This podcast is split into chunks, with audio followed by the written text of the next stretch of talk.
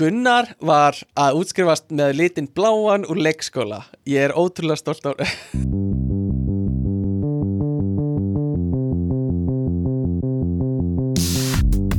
Halló er eitthvað að frétta? Já það er ekkert að frétta. Já það er ekkert að frétta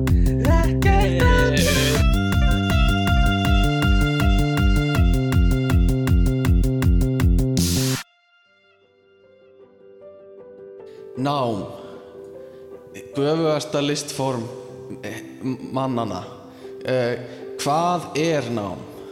Við greipum inn í tíma hjá uh, tíundabæk Sjáum hvað þau hafa að segja Já, sko, nám fyrir mér er bara að eh, tala við gælurnar og, og, og sitja á, borðinu í hátægisleginu, sko. Það er það sem að skólinn er bara fyrir mér. Já, fyrir mér er nám bara að komast í gegnum daginn. Eitthvað. Beautiful. Þetta var góður skets í byrjun. Uh, Takk, takk Uh, kærlega fyrir þetta. Um, Velkomin aftur að viðtækjanum. Uh, Við, Björgvin, erum að taka upp fyrsta þáttin okkar í Þú veist, meir en mánuð Ég veit ekki hvað langt síðan Við tókum svona langa pásu. Við erum báðir mjög riðgæðir uh, mhm.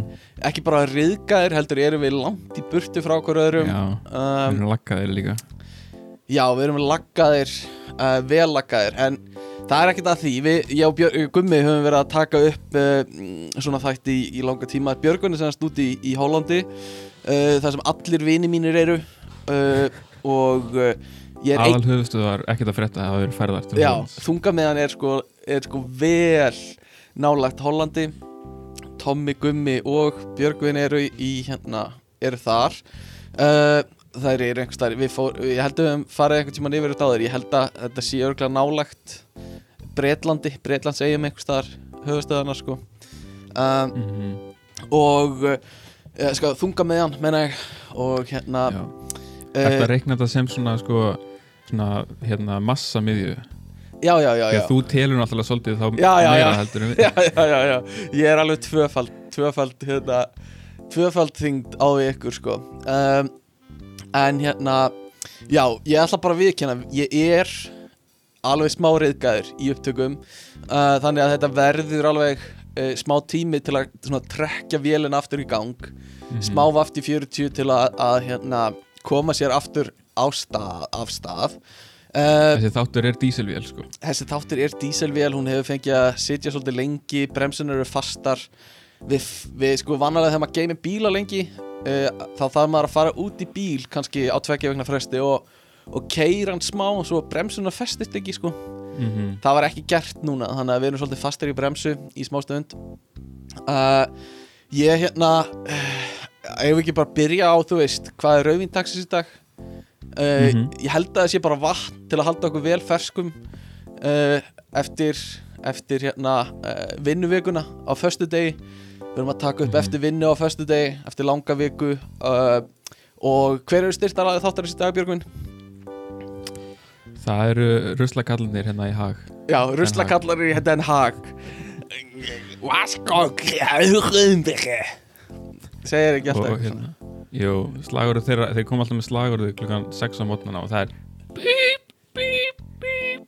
Já, já, já, bíp, bíp, bíp, bíp. Ymmit, ymmit, ymmit, það er gott slagur um, Og uh, já, við hérna uh, Við vorum að gefa út mentaseríun okkar uh, Sem var uh, eins og kannski þeir sem hafa hlustað öðruvísi þættir heldur en, heldur en venjulega og uh, okkur fannst svona lógist framhald lógisk leið til að loka þeirri serju að gera svona þátt sem er uh, okkar þáttur svona hefðbundin þáttur sem við myndum gera nema um nám þannig að þú veist þetta er venjulegur þáttur frá okkur en þú veist hann, hann er um nám þannig að við fáum svolítið að, hérna, að tala og erum ekki alveg að fókusi mikið á að vera hvað maður að segja, svona hérna alvarlegir eða Já, formlegir. Fræðilegir eða- Fræ, já. Uh, En það og er nefnilega, sko, við, við erum búin að taka góða pásu frá námspælingunum að við tókum upp þessa þætti fyrir bara mörgum vikum síðan. Já, fyrsti bara í apríl eða eitthvað. Já, einmitt. Þannig að, en, en hlustendur eru búin að fá sko þrjá þætti á einni viku beint í æð og svo gefur fjórum þáttur. Já, já, ummi þannig að, að hérna, hlustendur eru kannski ekki ekki er með ja, svona gott, góðan tíma á milli. Uh, við hérna við gáðum út þessa þætti. Uh, við sátum svolítið lengi á þeim og hérna tókuðu upp eins og ég segi já í apríl, mæ og uh, að því okkur langaði að gefa þú út einhver starf mögulega einhver starf annar staðar. Þú veist Mhm. að þetta er þetta eru öðruvísi þættir heldur en við gerum vanalega. Þetta eru, þetta eru svona já, viðtöl við einhver fullorðið fólk skilur ekki bara, ekki bara einhverju, einhverju krakkar sem við erum skilur Mhm. 28 ára krakkar skilur það er bara, þetta er ekki þannig. Um, þannig að okkur langaði að gefa þetta út á hérna einhverjum öðrum vettvangi. Uh, og þú veist, við, ég var lengi svona að mana mig upp í að senda post á rúf og eitthvað svona hvort að þau vildu vera með okkur í þessu að gefa þetta út eða eitthvað annað svo var ég í partí þar sem var dagskrár gerðarmaður frá rúf og þetta barst svona svona laumulegi tal einhvern veginn barst þetta í tal. Ég ætla ekki að segja hvernig það gerðist. Hérna, Þetta eru þrjá fjóra bjóra til þess að drekka í því kjark. Já, já, já, hérna, ég er með þrjá þætti sem er að en, en hann hérna basically sagði við mig bara það er ekki séns þú veist það rúf gerir ekki svona. Bara tekur við einhverju drasli frá einhverjum búbum út í bæ og gefur það út. Og ég bara, já auðvitað, auðvitað þú veist, mér dætti ekki eins og í hug að tala við rúf, sko, eitthvað svona. Uh, þannig að, að eftir það spjall þá hugsaði ég, já, það vill enginn gefa bara út einhverja þætti sem einhverju hafa gert. Uh, En við vorum líka alveg búin að segja sjálfum okkur það. Já, já það var bara eitthvað svona eins og kærasta mín sem var eitthvað, jú, gerðu þetta, sendið þið bráða það, er- hvað er það versta sem getur gerst? Uh, bara að vera ógíslega niðurleðir skilur, bara það er það sem getur gerst. Paldið ef, þú- ef við hefðum sendt þetta og þú hefðir hitt gæjan í þessu partí já, og farið að tala um þetta eða eitthvað hann örugglega verið búin að heyra af þessu svona, þú veist, það er eitthvað svona eitthvað kvísli í gangi á, á rúf skrifstofunum sko, einhverju fávitar sendu já, bara einhverju fokking aumingjar sem halda þeir geti bara sendt inn og rúfa allra landsmanna uh, Paldið nei. samt í því hvað er, ef, að, það kæmist ef það kæmi ljós að einhver hefði sendt inn þætti sem Mhm. hefði sem bara verið, út, þeim hefði bara verið útvarpað já, þú veist, kannski með einhverju rítskoðun og einhverju svona editingvinn og eitthvað þú veist, myndi ekki bara hrúast inn efni frá einhverju fólki sem að jú, jú og öruglega bara eitthvað Já. svona lélegt stöf eins og gamli skólinn podcastið og eitthvað að senda inn einhverju ógíslega þætti sko. já, um, en ég er náttúrulega á að geta hlusta á það skilur eins og þeir að ég ætla ekki eins og að fara út í það sko. uh, mæli bara ekki með því um, ég mælu með að hlusta bara á tíu mínútur uh, af, af, ég er enda búin að hlusta af gamla, gamla Fúf, þetta er svo slæmt sko. Uh, en hérna hvað, þú ert búin að hlusta á svolítið mikið varst að fara að segja það? já, ég, ég hef hlusta tala sér meira en tíu mínútur já, já, já, Uh, alveg skelvilegt sko. um, en hérna í, í framhaldi því ákvað ég bara ákvaði við í sammenningu að bara gefa þetta út á ekkert að frétta uh, sem er bara allt gott að blessað. Við hendum bara út þáttunum á, á hérna þrejum dögum. Núna eftir einhvern tíman bara í, í þar síðustu viku eða eitthvað og hérna uh, vorum ekki, ég var ekkert mikið að hugsa um það. Þú veist, ég sendi bara á þau sem kom í viðtal bara hérna eru þættinir, bla bla bla. Uh, og svo gáfum við þetta út. Og svo sendir mamma mín á mig uh, bara í síðustu viku þegar þættinu komu út að hérna að, að mentavísundasvið háskólans var að deila þáttaseríunni á Facebookinu sínu.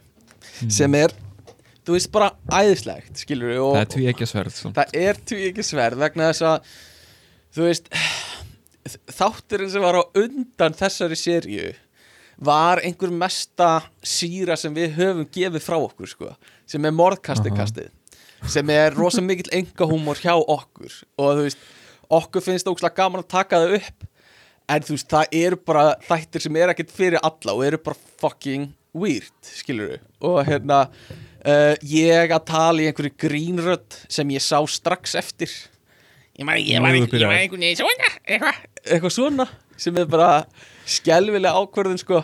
Uh, þannig að ef að fólk, þú veist, hlustar á okkar meira af rásin okkar það bara, það er svo það er svo kjánalegt sko. Uh, að koma úr einhverju mentaseríu yfir í sko morðkastið kastið. Uh, sem hérna, já en, en þættirnir mentaþættirnir hafa fengið ágætt viðbröð frá þeim sem hafa nefnt að hlusta. Ég fengi nokkuð skilubúsendum bara ágætti og hvað var gaman að hlusta á þættina. Og ég er 100% á því að þetta séu góði þættir sko. uh, en langt frá því að vera það sem við gerum venjulega.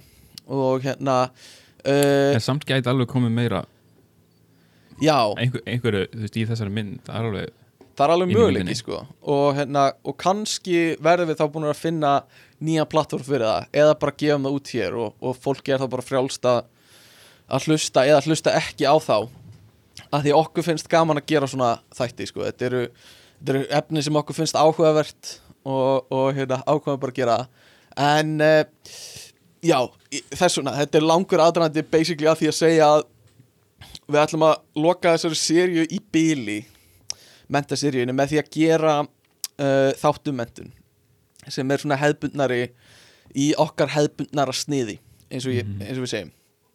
Og uh, erum konum með svona venjulegt handrit fyrir það og, og, og já, basically bara ætlum að fara í, í þann þátt. Sæl kæru hlustundur, þetta er Stefán hérna nokkru dugum eftir að við Björgun tókum upp.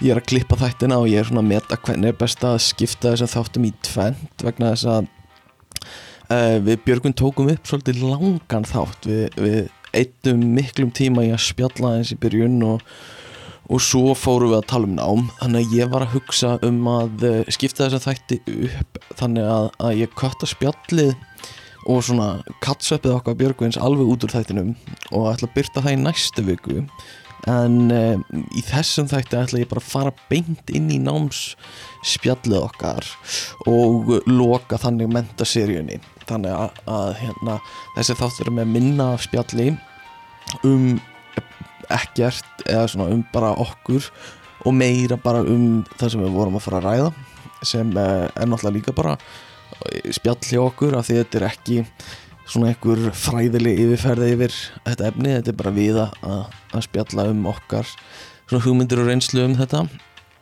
e, viðfangsefni sem er nám. E, og ætlaði þess að bara að, láta ykkur vita að allt þetta ógíslega langa spjall sem ég og Björki tókum, það kemur í næstu viku og það var mjög skemmtilegt. E, og á bara stendur alveg eitt og sér bara 100% um, en þessi þáttur er bara nám. Og ég ætla að kvötta bara beint inn í þegar við byrjum að tala um það og það er eftir ég held einn og hálfan tíma af upptökum uh, eitthvað svoleiðis. Þannig að hérna uh, uh, fyrstu, fyrstu einn og hálfi tímin einn og tuttu kemur út í næstu viku og hérna þið fáið bara að njóta, njóta þess þá. Uh, þannig að bara gjöra svo vel beint inn í nám. Já, ef við byrjum bara á þú veist, bara að recapi Hva, hvað hefur þú lagt stund á? Ok, ef ég tel það bara upp ég hef verið í leikskóla. Já, ég var með þér í í leikskóla. Ég var með Mhm. þér í leikskólanum Hæðabóli. Já, já, ég verið að hæðabóli. Ég var í Hofstæðaskóla, fyrstum til sjöndabekkur Já, ég var með líka? þér í því. Já, ég byrði, er ámur eitthvað í þetta Ég var með þér í því. Já, uh, svo fór ég í hérna Garðaskóla fyrir 8. til 10. bekk. Varst já, þú þar? Já, ég var eitthvað með þér í því, held ég. Ok uh, svo fór ég í mentaskólinni Reykjavík sem er hérna við tjötnuna Já, Reykjavík. byrju, ég var líka í honum eh, varst þú mögulega- líka? Já, í hann sömu Já, ég held ég var með þér í bekk líka Öll árin þar. Já, já, já, alveg rétt, já. Uh, svo eftir það fór ég í Háskóla Íslands. Já, ég var Varst þú með þér í því, held ég. Eitthvað já, ég var nefnilega á hérna náttúru og raunvísindadildinni Já, ég var líka í Já, verkefna þú varst þar líka. Já, já, já. Á, ég var í verkfræði.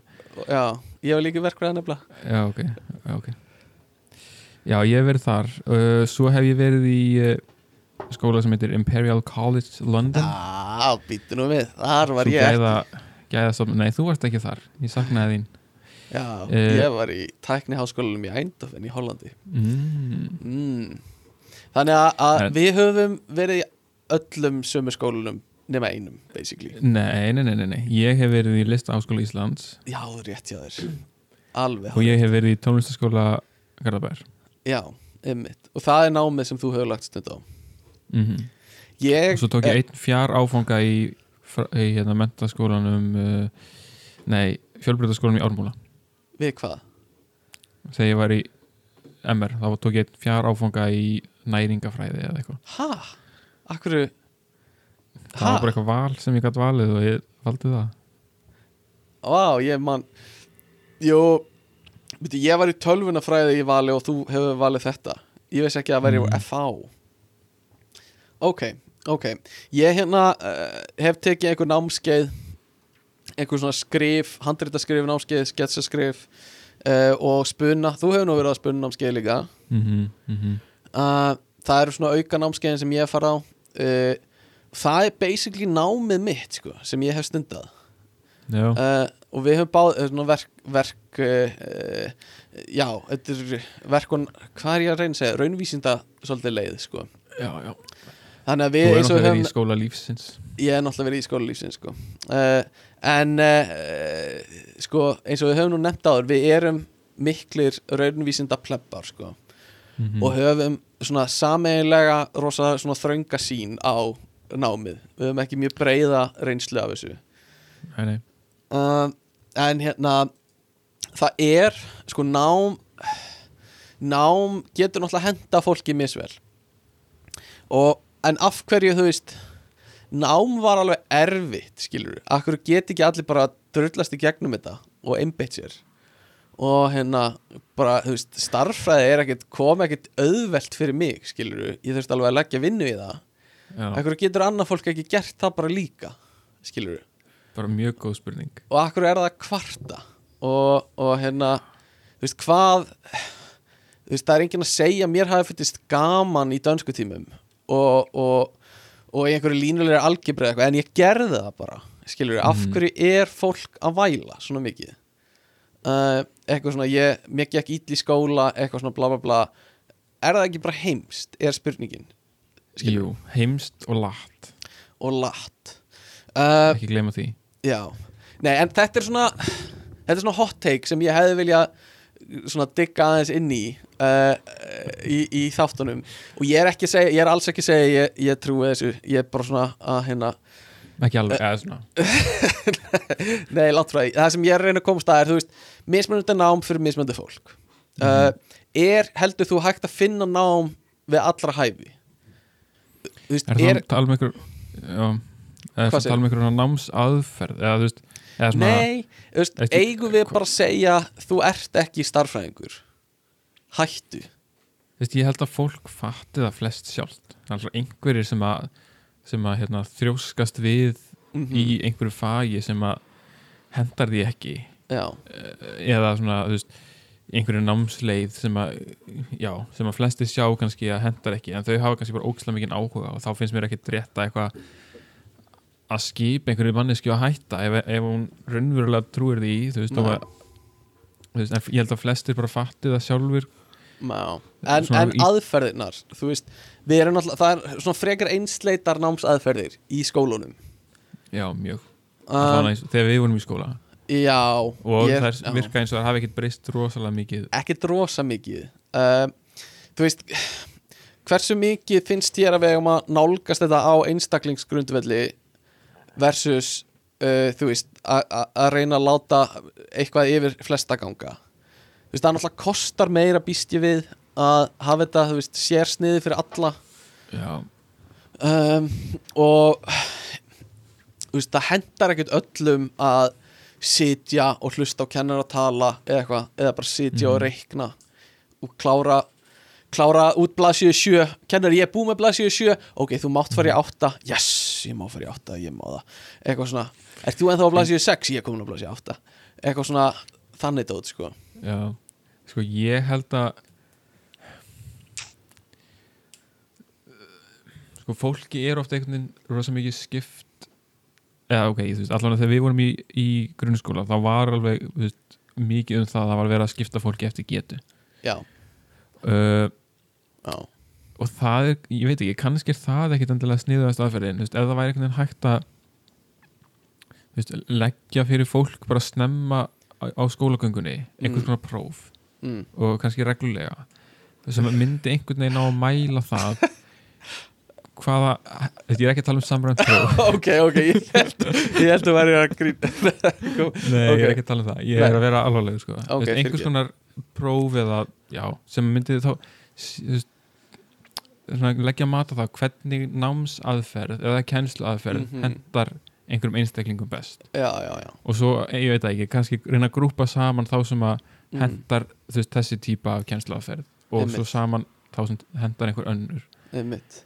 Ég veit ekki, já, en það er sumar kennsluaðferði þó að það hendi einhverjum betur að þá samt munur það alltaf taka lengri tíma. Og þá kannski dragast einhverjir aftur úr. Einmitt, einmitt og, og þú veist, svo kemur inn í þetta við rættum held ég við Ómar aðeins. Þú veist, hvað hva, uh, veist, hver, hvernig vitum við hvað skiptir máli að kenna? Veist, af hverju erum við að kenna uh, ákveðna típa af starffræði og af hverju þurfum við að læra dönsku og, og eitthvað svona uh, þú veist, dót, af hverju má ekki bara sleppa dönsku? Veist, velja það að sleppa dönsku og af hverju má ég ekki Mhm. bara smíða námsefni mitt eftir áhuga. Þú veist, af hverju Mhm. þarf ég að læra eitthvað ákveð hverju má ég ekki bara Mhm. alveg velja hvað ég læri? Um, ég veit ekki þú veist, maður vill náttúrulega búa til einhvern svona kannski grunn, þannig að allir hafi einhvern grunn í einhverju. Uh, og ég hef hitt fólk sem er uh, sem er komið, þú veist, er orðið 15-16 ára og kann ekki að leggja saman og veit bara ekki hvað mark, markvöldunum merkið þýðir. Mhm. uh, og, og ég bara, ég hitti þannig eða þú veist, ég hitti þessa mannesku bara, þú veist, það er bara mjög e- venjuleg manneskja þannig séð nefnum bara lærið þetta aldrei. Uh, og uh, það er alveg smá hamlandi sko. Veist, þessi viðkomandi hafði bara engan skilning á hvað að deila með fjórum er. Þú veist, ef þú ert með þúsukall og skiptir í jamt á milli, deildu með fjórum. Uh, veist, til að deila með fjórum manneskjum. Veist, og það var bara svona þannig og þú veist, er út í búð og er svona sirka hvað hann er búin að versla fyrir mikið ekki sjens skilur, þetta hlýtur að vera ef að, það sé að, veist, uh, undantekningin svona já þetta er náttúrulega undantekningin en ég er bara að segja er ekki nöðsynlegt að kenna ákveðin grunn atriði í jú, starfræði algjörlega. Já, þó að það sé ógeðslega leiðilegt þá þarftu samt að sitja með dæmonum og bara reyna að átta þig á hvað deiling er þegar þú ert að læra hana fyrst. Algjörlega. Uh, Ímynda ég mér Að- ég held að það sé allir sammála um það að það þarf að vera einhver grunnur en Já, hver, hversu mikill grunnurinn þarf að vera versus eitthvað sem Mhm. bara þér finnst skemmtilegt.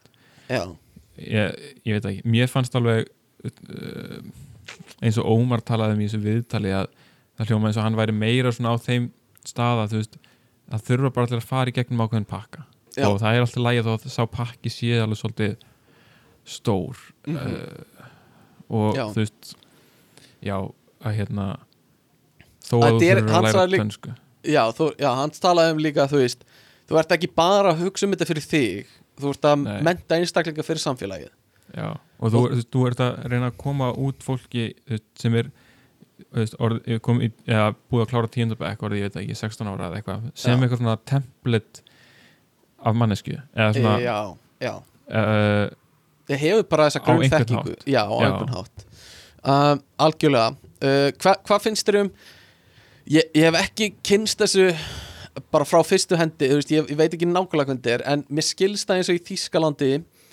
þá ertu látin taka einhvers konar próf frekar ungur til þess að meta hvort við er að fara í raungreinar eða verkreinar basically og því Mhm. er meira og minna ekki haggað eftir það eins og Já. ég skil þetta þetta er bara, já, er þetta ekki ég er á samstæða, ég skildi ekki mjög vel eða hef ekki kynnt mér þetta vel en er þetta ekki bara í kringum bara 12 ára aldur eða eitthvað svo leiðis eitthvað í kringum það sem Aldursbil. finnst smá brenglað af því maður getur alveg verið lélugur nefandi framan af, góður nefandi setna, kannski Mhm. þú kemst að rétt lif eða, eða dílar við eitthvað í persónulega lífinu þínu betur eða eitthvað svona um, Mhm. að uh, en þetta á þú veist að, að, að hjálpa fólki að komast á rétta hillu snemma og þá Já. áttu að geta byggt þig upp sem mannesku út frá þeirri hillu býst ég við En það, en það hljómar samt, ég veit ekki hvort það sé þannig en, en kannski en er, ma- maður finnst það sundum svona í umræðinni á Íslandi að þú veist, ok, ef þú ert veist, klár, þú veist, ef þú ert auðvitað með að læra, mm að þá áttu heima í einhverju svona bóknámi. Já, já, en ef ekki, að þá áttu að fara í verknám. Já, eins og það sé einhver svona verknám sé einhver svona ruslakista. Ymmit, ymmit uh, sem það er ekki. Nei. og ég væri til í Eh. að vita hvernig fólk lítur á þetta í þessum löndum. Já. er einhver innbyður fordómar í þessu kerfi þannig að Mm, þú veist, það er litið niður á einhverja eða er litið, þú veist, betur á einhverja Mhm. um, ég veit ekki, þetta er ég svona sé kannski hvaðan þetta er að koma að þú veist, þú vilt að fólk finni sér snemma og geti, þú veist, Mhm. byggst upp sem manneskjur á þeim fórsendum en svo frá einhvern veginn okkar sjónur hann á Íslandi er þetta líka rosa mikið bara svona innbyggði fordómar er auðvitað að lita þetta mjög mikið Já, en það virkar líka smá eins og sé kerfi sem að er hanna til þess að gagnast samfélaginu sem best. Já, þannig að, þannig að þú þannig að þú sérst að búa til einstaklings einstakling veist, strax frá byrjun sem er veist, Mm. ok, þú veist, er einhver kerfi sem er búið að finna ok, þessi einstaklingur verður góður á þessu sviði. Já, þannig að við setjum að þangað þar sem að hann mun gera mest gagn. Já, já ymmit, ekki Uh, endilega fyrir sjálfan sig heldur fyrir nei samfélag. einmitt. Uh, Já, ég hérna Ég á Ég veit ekki hvað ég á að segja. Þú veist Ég hef ekki verið nóg góður í því Að ná að setja mig ná, veist, nákvæmlega í þessi spór Bara því ég hef eitthvað reynslu af því Að þú veist Að geta ekki lært eitthvað dót. Mm um, og þú veist, ég, ég skila það erðanig og ég hef bara, bara mér finnst það mjög eðlilegt. En þú veist ef ég ímynda mig bara, þú veist, tímana sem ég þurfti bara að ströggla við að sitja og læra þú veist, það Mhm. var erfitt fyrir mig en ég gerði það og svo, Mhm. þú veist, það ímynda mig mannskjuna sem bara geta ekki einbytt sér -hmm. og þú veist bara, bara bókstaflega geta þetta ekki uh, Mhm.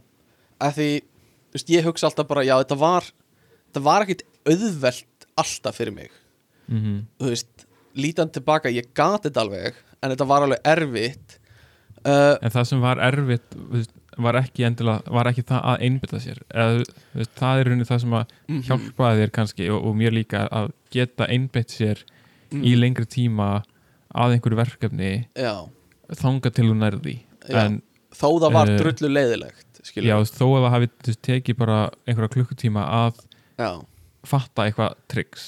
Já. en, en ert hérna veist, ég held að það kannski veist, það sé það sem ég myndi það, hjá þeim sem að eiga erfiðara með náma þú veist, þá er það oftast einhverju svona þú veist, þú ert með minna þólinmæði minni Mhm. þólinmæði fyrir því að komast að niðurstöðinni eða þú veist, einmitt, einmitt. halda, þrauka þetta út. Já, að veist, minni tolerans fyrir því að bara gefast Já. við og það er einhvern veginn svona, svona eitthvað svona sem inni mér sem ítir svona tilbaka á þetta.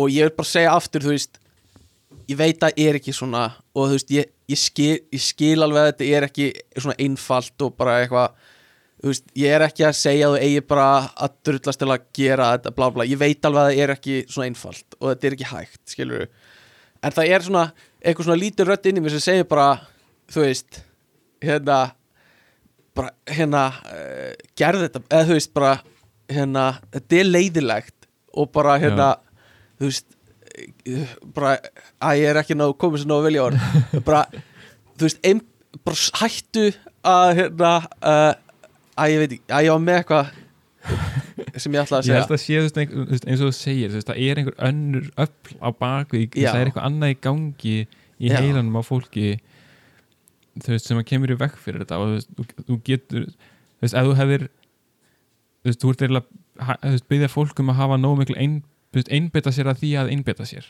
Já, já, og líka þessi þólinmæði, nú man ég, eða, þú veist, bara þólinmæðin, þú veist, veist, þólinmæði er eitthvað sem að ég persónulega þjálfaði upp í mér, skilur og bara svona, Já. eða mér finnst það, að hérna, þú veist, bara, þú veist, æfðu þið í að vera þólinmæður, æfðu þið í eitthvað svona, og ég veit Já. að það er ekki, þú veist, ég veit að þetta er ekki svona einfalt, ég veit það alveg, uh, og, og mér finnst bara þess að ég þurfa að setja disclaimer að ég veit að fullt af fólk er að hlusta á þetta og það er bara, þetta er ekki svona hættu að Já. tjá þig um eitthvað sem þú veist ekkert um og Aha. eitthvað svona, ég veit alveg að þetta er ekki svona þú veist, ég er Mhm. bara, ég er aðeins að búið til contentina fyrir þáttin, skilur Mhm, mhm. uh, en, en þú veist bara svona þú veist eins og fólk sem er með einhverja svona uh, einhver, hvað heitir það uh, bara eins og ADHD eða aðdeglisbrest, ég veit ekki hvað nákvæmlega hvað er að nota yfir það núna veist, þá er þetta miklu líkamlegra og þetta er bara, þetta er eitthvað sem þú þarft að taka lifið og eitthvað svona, Mhm. þú veist, það er ekki bara hægt að ætla að gera eitthvað Mhm. um, en, en en hérna mér finnst líka stundur hljóma eins og þú veist, fyrir fólk sem er ekki með aðdeglisbrest og ég ætla ekki að reyna að setja mig eitthvað fórnalamstöðina en veist, það er, þetta er ekkit auðvelt heldur fyrir okkur sem eru ekki með aðdeglisbrest sko. Veist, maður þarf alveg að vinna fyrir þessu þó að uh, Já, já, algjörlega. þó að maður geti það, skilur Já, einmitt. Að ég veit ekki, mér langaði bara að fá eitthvað svona hot take inn í þetta, að við fengum það ekki í hínum þættinum, sko. Ekki svona að ykkur viti. Uh, að hérna fá svona smá heitumræðefni uh, en svo tek ég allt tilbaka núna skilur, ég, ég, ve ég veit að þetta er ekki svona, skilur Já, ég held að sé mjög auðvelt að sko að hugsa, veist, af hverju einbyttuð er ekki bara að þessu? Já, já, Veist, en, og, og, en maður þarf samt einhvern veginn uh, að einhvern veginn líta á þetta veist, einu skrefi ofar eða einhvern veginn til þess að þú veist, fatta ef þú getur þú, þarft einhvern veginn eins og, ég var, eins og ég sagði á þú veist, þú ert eiginlega að byggja fólk um að einbytta sér að því að einbytta sér. Já, og ef þú hefur ekki einbyttinguna í verkefnið þú veist, af Mhm. hverju eftir að hafa einbyttinguna til þess að einbytta þér að einhverju? Eða, já, ég veit ekki. Já. Og þú veist, von á það ertu að reyna að einbytta þér að einhverju sem þú hefur ekki áhuga á. Já, sem er bara trullu leðilegt mm bara ógíslega leðilegt og þú sérð ekki tilgangin í því. Já. sem gerir þetta líka örgulega ennþá. og svo er líka svona þú veist, þú veist þegar, það- þegar þeir gengur vel mm þá er svo mikið svona uh, þú veist endurverkun, eða jákvæð endurverkun positive Mhm. reinforcement í gangi. Þú veist, þeir gengur vel og þú, veist, þú náður að leysa eitt verkefni. Þó að hafi tekið smá aðeins lengur tíma heldur nú kannski varst að vonast til en þá veistu að næsta verkefni verður gerlegt fyrir þig. Já, uh, þú veist, þú gast síðasta verkefnið. Mm en ef, þú veist, ef það gengur illa þá veist, farið ferði einhvern vítaring þar sem að, Mhm. þú veist já, Einmitt. Já, bara Eh, færð ekki þessa jákvæðu svona feedback já, á því að klára eitthvað. Það gæti skip, skipt máli sko. uh, ég hef líka alltaf hugsað sko, mm, þú veist, ég veit að heimskara fólk en ég hefur gert þetta. Það er að þú veist, ég hlýta að geta gert þetta. Eða þú veist ég, já, þú veist, ég veit að þú veist, það er ekkit bara klárt fólk sem klárar háskólagráður það er Nei. fullt af, þú veist, lötu og vittlusu fólki sem gerir það. Já, þannig að það er engin ástæði fyrir að ég eh, geti það ekki já, svona á, á, á þú veist þetta er mjög mikil einföldun á því en þetta er svona, þetta er svona hugsun líka þú veist, þetta er ekki það mikið mál einhvern veginn, já, dót sko. Veist, við- það eru allir að gera þetta. Þú veist, þetta, þú veist. Já, já, já. Þetta er svona eins og hérna það minnum á, þú veist, eins og að, að hlaupa veist, það er allir að hlaupa marathon já, eða hálfmarathon eða eitthvað. Sem segir mér að það sé rauninni ekkert svo erfitt já, að já, hlaupa veist, að hlaupa marathon á góðum tíma það er erfitt. Það er en erfitt bara það að fara 21 km eða 42 Aha. km raunverulega ekki svo erfitt. Þú veist, ég er ekki að segja að ég gæti það akkurat núna nei, nei, nei, en, með smá þú veist, ég gæti þjálfað mig þyrfti ekki rosalega mikla þjálfun Aha. endilega til Já. þess að gera það. En, nefnilega, en, sko. já, og, og hérna en svo kemur einn í það bara vil ég gera þú nenni ég að gera uh, akkurat. Hef ég áhuga? Hef ég áhuga á því? Uh, sorry hérna ég, ég, ég veist já, ég ég, ég, ég veit ekki hvað ég á að segja. good cop, bad cop já, það er það, það er það sko.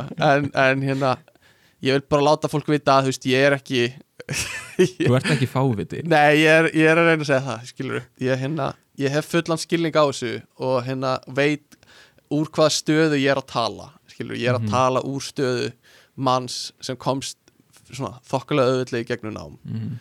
Svona- En þú ert líka veist, að svona koma inn á bara það hvað það er erfitt að setja sig í hugarheim annars fólks Já, já, og þú veist, það er Eh, líka bara, það er málið ég bara bara, það er ekkert auðvelt öllu, sko. sko. já, það er ekkert auðvelt að ég að reyna að ímynda mér hvernig það er að geta ekki þú veist, bara bókstaflega geta ekki gert þetta, þú veist, einbeitt Já. mér eða, eða hérna sótt, þú veist, ég ímyndi mér bara tímana það sem ég var latur eitthvað svona Mhm. uh, og bara satt og horfði á þætti og horfði á næsta þátt og eitthvað svona hérna, deadline nálgæðast alltaf þegar ég átt að skila einhverju uh, en svo endanum alltaf bara þú veist, einhvern tímann s- tók ég mig til og gerði það, skilur við Mhm, mhm. um, og, og svo setjum ég stöðuna hjá manneskinu sem bara þú veist, það er ekki svoleiðis það virkar ekki þannig hjá þeim. Er, er hérna það er alveg ströggul sko. Eða þú veist, það er ekki hlaupið að því alltaf. Og ég geti auðvitað sagt að ég geti ímyndað mér það eins og margir segja öruglega já, bara auðvitað er, geti ég ímyndað mér það en ég veit ekki hvort að það, það er þannig sko. Já Ég held, ég Um, held að sé þú veist, það er kannski einhverju sem hafa upplifað og síðan breytt einhverju hjá sér og, og komist á einhvern annan stað já, sem geta síðan sagt, ok, ég veit hvernig þetta er og hvernig þetta var. En, en, það, en það að þú hafi kannski náða að breyta einhverju hjá þér og komist á einhvern annan stað það þýðir samt ekki heldur að allir aðri geti það sem voru einu sinni í þínum spórum bara eins og aðrir svona andlegi sjúkdómar eins og þunglindi skilur þú getur komið þér upp úr því og sagt, þú veist, Mhm. ég gerði það með þessum og þessum aðferðum.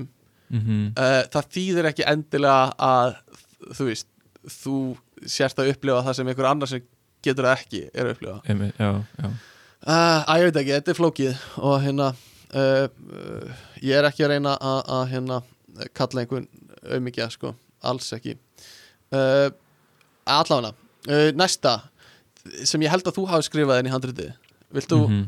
viltu koma með það? Já.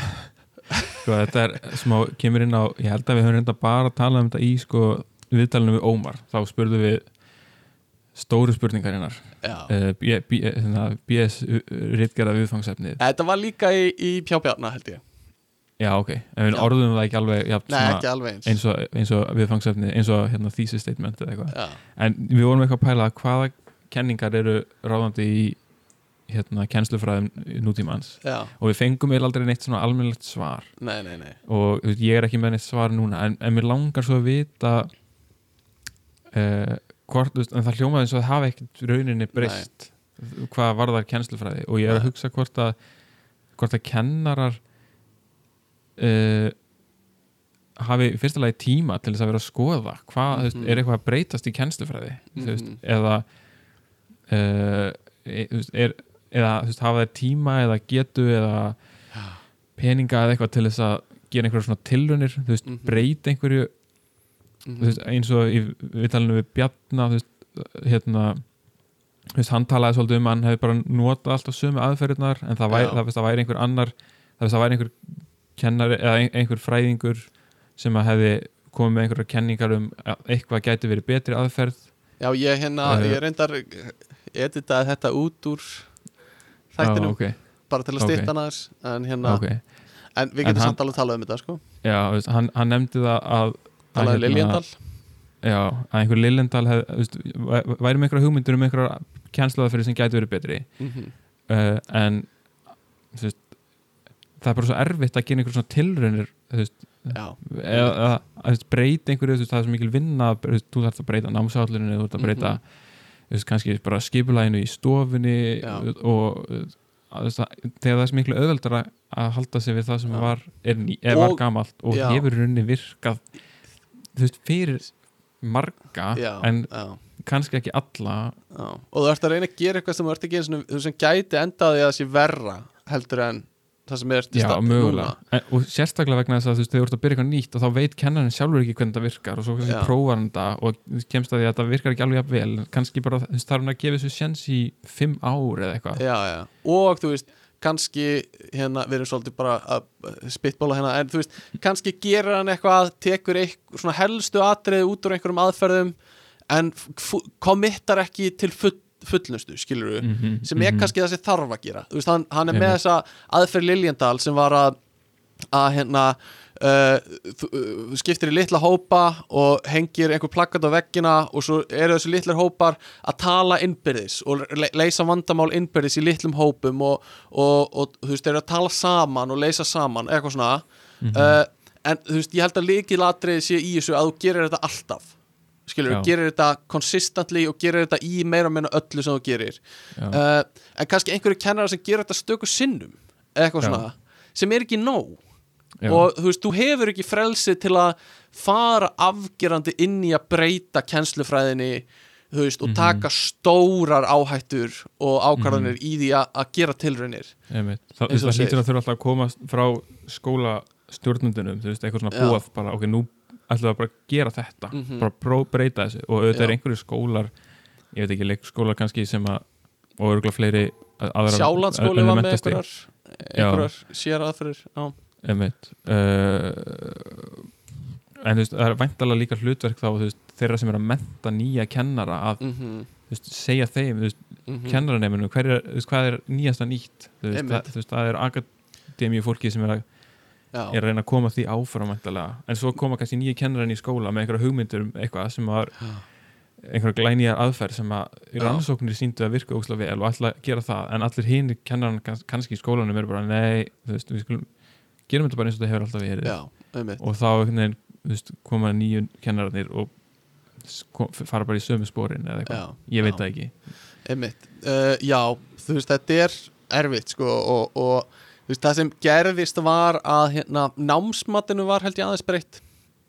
Að hérna, já, þú veist, það átti að færa yfir í bókstafi og það átti að fara meira yfir í svona einstaklingsnámsmat. Þannig að þú veist, hver og einn fekk svona díteilara námsmat sem er minna bara eitthvað tölur eða bókstafir heldur þú veist, skriflegt mat á getu nefnda Mhm. uh, sem eins og ég skildi þetta hefur ekkert gengið rosa vel að því kennir að hafa bara mikið að gera og hafa ekki tíman í að meta Mhm. hvern einasta nefnda uh, Mhm. þannig að það svona, fór svolítið tilbaka bara yfir í einhvers konar meðaltal af já, eh, einhverjum, einhverjum bókstöfum eða meðaltal af einhverjum tölum úr einhverjum prófum uh, þannig að þetta er erfitt og eins og þú segir veist, þetta er svolítið mikið á svipuðum stað og þegar við vorum í námi sko. já, það hefur ekkert finnst það? ekkert mikið breyst, það er náttúrulega konur iPadar núna í staðan fyrir tölvuvagnin Já, já. mannstu þegar tölvuvagninu var rúlað inn í stofuna sko. heitur og góður heitur og viftan á fullu og þú hérna þurftir að deila tölvu með einhverjum og eitthvað, að tölva 15 er alltaf bilu, eitthvað svona æðislegt sko, fart tölvur í. Já, uh, einhver sem glemt að setja vagnin í samband þegar hann skila einmitt. tölvunar tómar Þetta er æðislegt sko. En nú er þetta allt í iPad og Chromebook og hérna um, kannski er tæknin eitthvað að koma meira inn í þetta með einhver, einhverju nýjum uh, tækni aðferðum, ég veit ekki hversu mikið grunnskólar er að nota skjávarpana. Uh, grunnskólar notaði ekkert skjávarpa þegar við vorum í skólan uh, það voru bara myndvarpar með glærum overhead projector. Óvið projektu uh, og hérna þannig að, að kannski kom, kemur tæknin með eitthvað nýtt inn í kennslufræðina uh, en það var, þú veist, háskólinn líka ekkert að breytast þar þannig séð. Stærstu byltingi þar er Nei. upptaka á tímum uh, upptaka á fyrirlestrum en fyrirlesarar vilja eins og ég skilda sjaldnast að þeir séu teknir upp. Uh, þú veist, það er svona þeir, kennarar eru ekki mjög hrifnir að því af Mhm. mörgum ástæðum mm -hmm. minkar minkar uh, viðveru nema í tímum og, og vilja ekki endilega að það sem segja sé fest á, á filmu og eitthvað svona þannig að, já, já, ég veit ekki veist, þetta er ennþá bara uh, rekna dæmi og, og hérna uh, hlusta Mhm. á kennara sko mm -hmm. veit ekki hvað hva annað hérna er hægt að gera uh, sko, nenni þú getur þú gert fyrir mig núna, bara eins fljótt og getur að power ranka skóla uh, stíin eða skó, ná, uh, skólana. Uh, og ég er með hérna uh, ég er með uh, lista af einhverju skólu, þú mátt bæta við að þetta er eitthvað eitthva meiri hug sko. Uh, uh, en, en annars þú veist, byrjaði bara neðist hvað er, hvað er lél, þú veist, hvað er lélegasta námstíð? Og vinnum okkur svo upp. Ok uh, mm, Þannig ég, ég, ég, skal lesa, Já. lesa námstíðin. Það er sko leikskóli, grunnskóli, framhaldsskóli, háskóli. Basic. Mm, uh, Svo eru námstíðin sko endurmentun Og svo var ég Mhm. með yðnmentun og verkmentaskólar mhm. Þú veist, erfitt að flokka, hópa allt saman í eitt Viðkenna það, en ég ætla samt að gera já, já, Svo er ég með bara utanskóla námskeið sem getur verið bara, þú veist, læra að gera neglur eða, eða dálislu námskeið eða, eða spunanámskeið eða eitthvað svona og svo tónlistar, tónment, tónlistarmentun já. Þú ætlar að powerranka þetta fyrir mig. Ok, ég veit ekki ennþá á hvaða forsendum en við byrjum bara neðst Þetta er tilfinningalegt. Þetta er tilfinningin. Þetta er Þetta er bara tilfinning tilfinningin. Já, já, ég, ég er, ég er að segja það ég er að gera þetta á tilfinninguna, ég veit Já, ekki ennþá hvaða forsendur Þannig að þetta er ekki sko. definitive powerranking Þetta er powerranking frá Björgunni. Basically Ok, ég held að endurmentun sé neðst Endurmentin er neðst God damn Hún er, Ok. okay. veist, á, á sama tíma hún er nöðsynleg að einhverju leiti mhm. þá held ég að séu margir sem fari alls konar endurmentuna námskeið þú veist, fá kannski borga fyrir að fara einhverju námskeið sem Já, skipta já. engu máli fyrir vinnuna sem þau eru að vinna. Þú veist, ég var að skoða áðan eitthvað endurmentun há, Háskóla Íslands og það var bara Mhm. eitthvað golfnámskeið og eitthvað allir anskotin sko. Já, kent á kvöldin og stundum með frýtt kaffi og stundum ekki sko já þannig að það og já, Ok, Ok. svo hérna utan skólanámskeið uh, ég veit ekki já, se- setjum þau númer nummer tvö eða sem sagt en það er oft svo mikið eitthvað svona passion Þú veist, þú ferð í Já. það sem þú virkir Þú ert búin að vera horfa á það, draumiðin að verða förðunafræðingur eða, eða, eða gera neglur eða verða grínisti eða eitthvað Já, þá áttu bara að fara í þú veist, þá áttu bara að taka skrefið og actually fara í skólan sem kennir það. Ok, ok. Og líka vegna þess að fyrir mér svona utan skólanámskeið sko, ég veit ekki hvað hva fólk hvað hlustendur hafa kynnt sér þannig en svona nám, alls konar námskeið á netinu sem er að kenna þér hitt og þetta Aha, sem eru bara peningablokk. Já.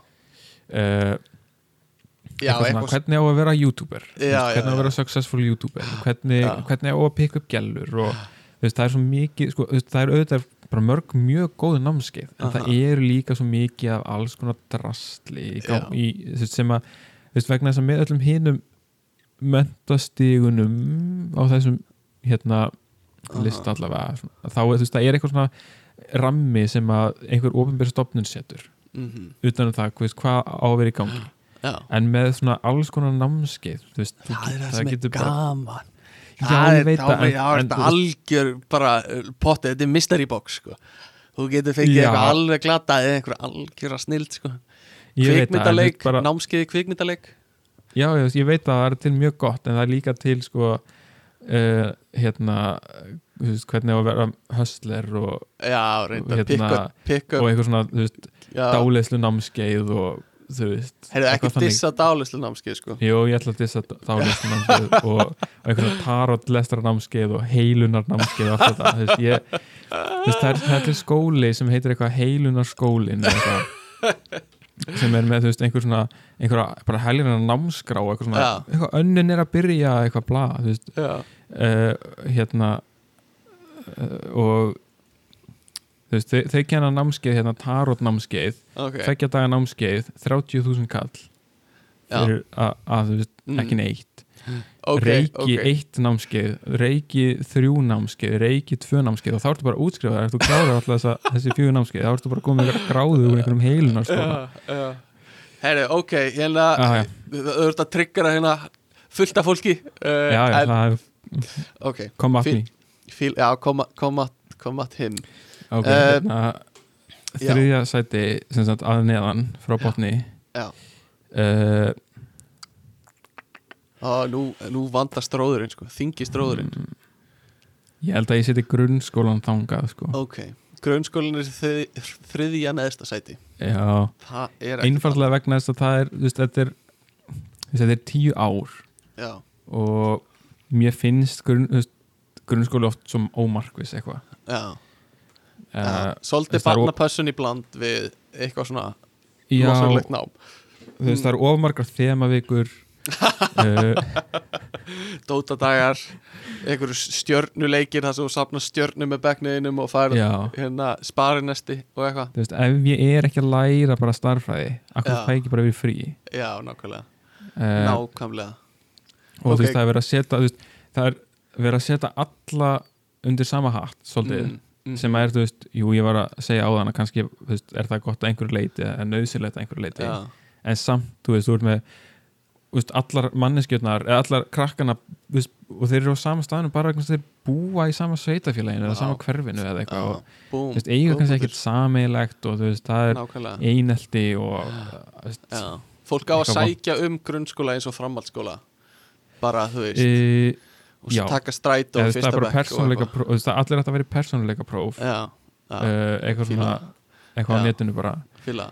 Starffræði Eh, grunnskólinn og, og hérna já, tungumála grunnskólinn og eitthvað svona. Já, fíla, ekki, ekki byggjað á einhverju svona inntökuprófi heldur bara Mm. persónuleika prófi sko. Já, þetta er líka tíu ára nám sem gerir þetta rosa svona erfitt að hérna uh, þú veist gerir þetta uh, þú veist, erfitt að gera alla skólagönguna góða, konsistent og, og hérna þú veist, mikil gæði. Mm og svolítið er dreifð svolítið svona fókusinu gangi. Já, svolítið sko, einmitt. Ok, grunnskóli nummer þrjú. Ok, uh, ég ætla að setja tónlistarskólana í fjögur. Uh, ok. þú veist, ég hérna þú veist, ég er með var náttúrulega í tónlistaskóla í mörg mörg ár Já. og ber miklar tilfinningar til tónlistaskóla en á saman tíma skil, eh, hérna sýnir því skilninga að þetta er algjörlega valkvætt dæmi. Uh, og þetta er rauninni bara veist, á sama standard og að æfa íþrótt eða eitthvað, þannig, þetta er bara áhuga mál sem að sumir Já. hafa og sumir ekki. Já, en á saman tíma held ég að þessi mjög gott starfi í gangi í mörgum Mhm. tónlistaskólum Já, uh, þannig að þeir, þeir fá að vera þannig í fjörðarsæti ok.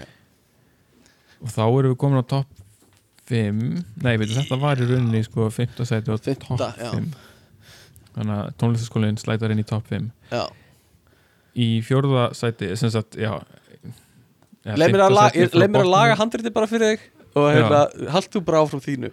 Að því Já, ég, ég byrja að telja upp en Björgun vil telja niður þannig að ég, ég laga þetta þannig að hérna í uh, fjórða efsta sæti Já,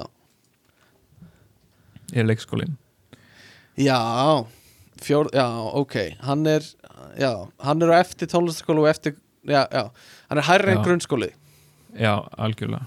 Því að leikskólinn þú veist, í leikskóla er gaman. Já, ymmit það leika allir saman. saman, sko. Ymmit, leika úti, leika Já. inni. já, og það er allir með öfugt við grunnskólan, þar sem er verið að skilja út undan. Einmitt. þannig að hérna, þú veist. Ég hef líka ekki heyrt mikið að því að fólk sé að hnóða leir og lita í framhaldsskóla, sko. Það er ekki mikið, veist, nema, jú, kannski ef þú ferði í borgarhaldsskóla á, veist, myndlistabrautina eða eitthvað. Það, það er kannski fólk að hnúaða leir og lita. Já, en þið ættið að vita já. uh, Hvað kemur svo? að það er bara allir mjög duglegir Já, já, já, það er allir mjög duglegir í leikskóla í leikskólanum hér. Já, já, einmitt. Sa Sammála því, sammála því. þannig að, já, leikskólan í fjórðasæti Já, uh, frá toppi. Í þriðasæti sko við eigum eftir sko, já, yðnumentun og framhaldsskóla framhaldsskóli er það væntalega svona bóknámsskóli. Í, í, í sko, ég, eins og ég skilda já, í rauninni. Þú veist, ég er að hugsa um að útskrifast sem, þú veist trésmiður eða pípari eða já, það er já, en framhaldsskóli þarna hjá þér er meira svona bóklegt. Já, ég, ég var svolítið að hugsa já. þannig. Já. Þó að, þú veist, það er náttúrulega framhaldsnám að fara í píparan En bara, já, en það er samt eitthvað sem kemur það er á sama stigi og framhaldsskóli Og þú getur tekið meistarapróf með stúdensprófi Það eru margir sem gera það, skilur já, já, En, Sko, ég, ég hérna já, þetta er erfitt sko. ég hef aldrei verið í maður, ég, ég held ég seti hann í uh, setta mm, bara í þriðja. Já, ég set hann í segja seti ég set hann í þriða seti Já. hérna, en framhaldsskólin er ekki langt á undan, held ég. Nei, en ég, ég, get, ég get eiginlega ekkert mikið sagt um sko yðnmentun því ég hef aldrei verið í yðnmentun Nei. en um, ég verð að segja að mér langar að prófa að vera í yðnmentun sko. Já, og þú Og- ert virkur í því, er það ekki? uh, Ertu ekki, Nei. skráður þið ekki Jó, en ég komst ekki inn Ó, ó, Ég skráði mig samt í einhverja fjaráfanga í húsgagnasmíði en komst ekki inn ok uh, En já, þá er það fram, framhaldsskólinn í öðru sæti Ég á alveg bara fína minningar úr framhaldsskóla og framhaldsskóla náttúrulega úksla mis, misjafnir Já. Eftir því sem er margir og það hefur örgulega verið gaman að prófa við í einhverjum öðrum skóla líka. Aha, eða þú veist, örgulega önnur reynsla. Ekki og seint að prófa það held ég. Sigmundur Davíð gerði það. Fór Nei, nei. aftur í mentaskóla þegar hann var útskóðar og satt í heila viku eða eitthvað. Akkurat.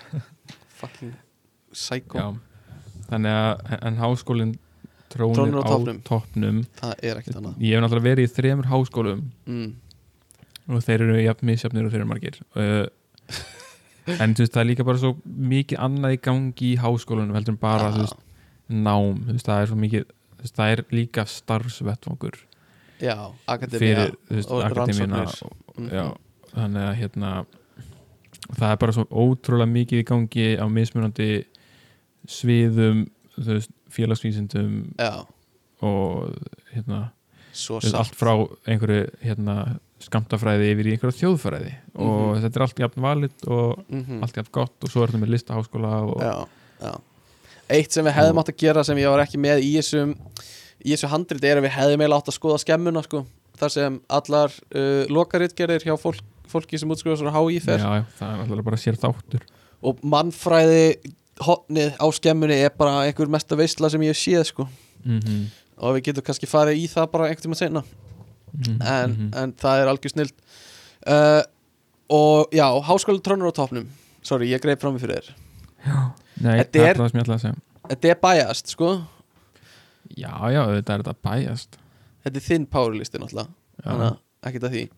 Uh, Geðveikt, ég, ég er bara nokkuð sammálaðir sko, ég er nokkuð sammálaðir um, og mér veist utanskólanámskeiðin fá svolítið slæmt orðspor en þú veist, það þetta er erfitt skilur Ein, Já. eitthvað stað þarf það að vera.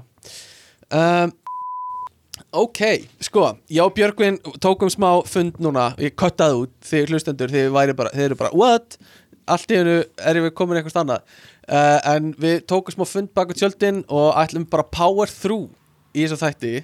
Uh, við erum búin að vera að taka upp í svolítið langan tíma og hérna klökkuna orðið svolítið margt en við ætlum bara að halda áfram skilur og sjá bara hvað þetta gerist. er umræðefni sem þarf bara að ræða. Ja, þrý þættir af þessu voru ekki nóg. Nei, þannig við nei. þurfum bara veist, það var ekki nóg að fá álit sérfræðingana Nei, nei, nei, nei. við þurfum að fá að segja okkar, Já, við þurfum að fá okkar, okkur algjörlega óupplýstu skoðun. Nákvæmlega.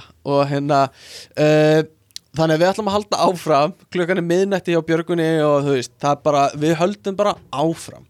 Uh, Næsta spurning er Hvað einkennir gott nám Og góða kennslu. Og við snertum á þessu með öllu fólkinu í viðtalinu, bara hvað, þú veist, munið þið eftir einhverju góðum kennara sem þið tengi við, hvað var það í hans fari, bla bla bla. Uh, ég man eftir nokkru góðum kennurum hjá mér. Uh, eitthvað sem ég man eftir líka er bara það var húmor sem mér fannst ekki uh, vera minnst á í þessum þáttum. Mm, uh, Mhm. þú veist, kennari sem er, þú veist tala við krakkana, náttúrulega fyrsta, fyrsta lagi á einhvers konar jafningagrundvelli er næs, mhm, en líka að þú hefur smá svona kymni í því þegar þú ert að kenna. Uh, og þú þarft ekki að vera bara eitthvað barum dum tsh, fyndin allan tíman mhm, en bara svona, þú ert opinn, líflegur og þú veist hefur gaman að því að hlæja og, og þú veist, hefur gaman af þessu sko, mhm, skiptir máli. Ég man eftir Þorkell sem kendi okkur náttúrufræði í, í garðaskóla. Mhm, mér finnst hann mjög skemmtilegur. Algjörlega. Þú veist, hann var bara svona skemmtilegur ensku Siggi, ennsku kennari, frábær. Uh, Siggi, ennsku kennari gerði það sko þegar, þegar alltaf þegar uh, hérna uh, önnin var að byrja þá opnaði hann nýju námsbækunar og stóði upp í töfluna og svona kastaði bókunum á borðin. Mannst eftir þessu? Uh, og hérna og, og reyndi að hitta á öll borðin alla stofuna, þú veist, alltaf Mhm. mjög gaman en uh, hann gætt líka tekið svakalega reyði sko. Já, já, ég meina það bara, það er bara uh, þú veist, maður náttúrulega reynir kannski að halda því í lámarki en svo líka alveg skil, skiljanlegt stundum sko. Já, Eh, en það er líka er, veist, erfitt sko, ef þú ætlar að vera skemmtilegi kennarin að, að halda sko aga á sama tíma já, held ég að sé Já. mjög uh, erfiður balans já, að þú getur ekki verið vinur einhvers og sagt svo hættu að tala skilur veist, það er ekki alveg, það er ekki alveg hægt. Þannig að það þarf að vera veist, meira bara hann hafi gaman að því að kenna Mhm. og hérna, þú veist, þá þá kannski uh, já, uh, skiptir að skiptir að máli. Uh, að fólki hafi áhuga efninu sem það er að kenna, skiptir örugglega líka að máli Mhm. í þessu. Það er ekki gott að vera með bara of kláran kennara sem er ekki frábær að kenna. Mhm.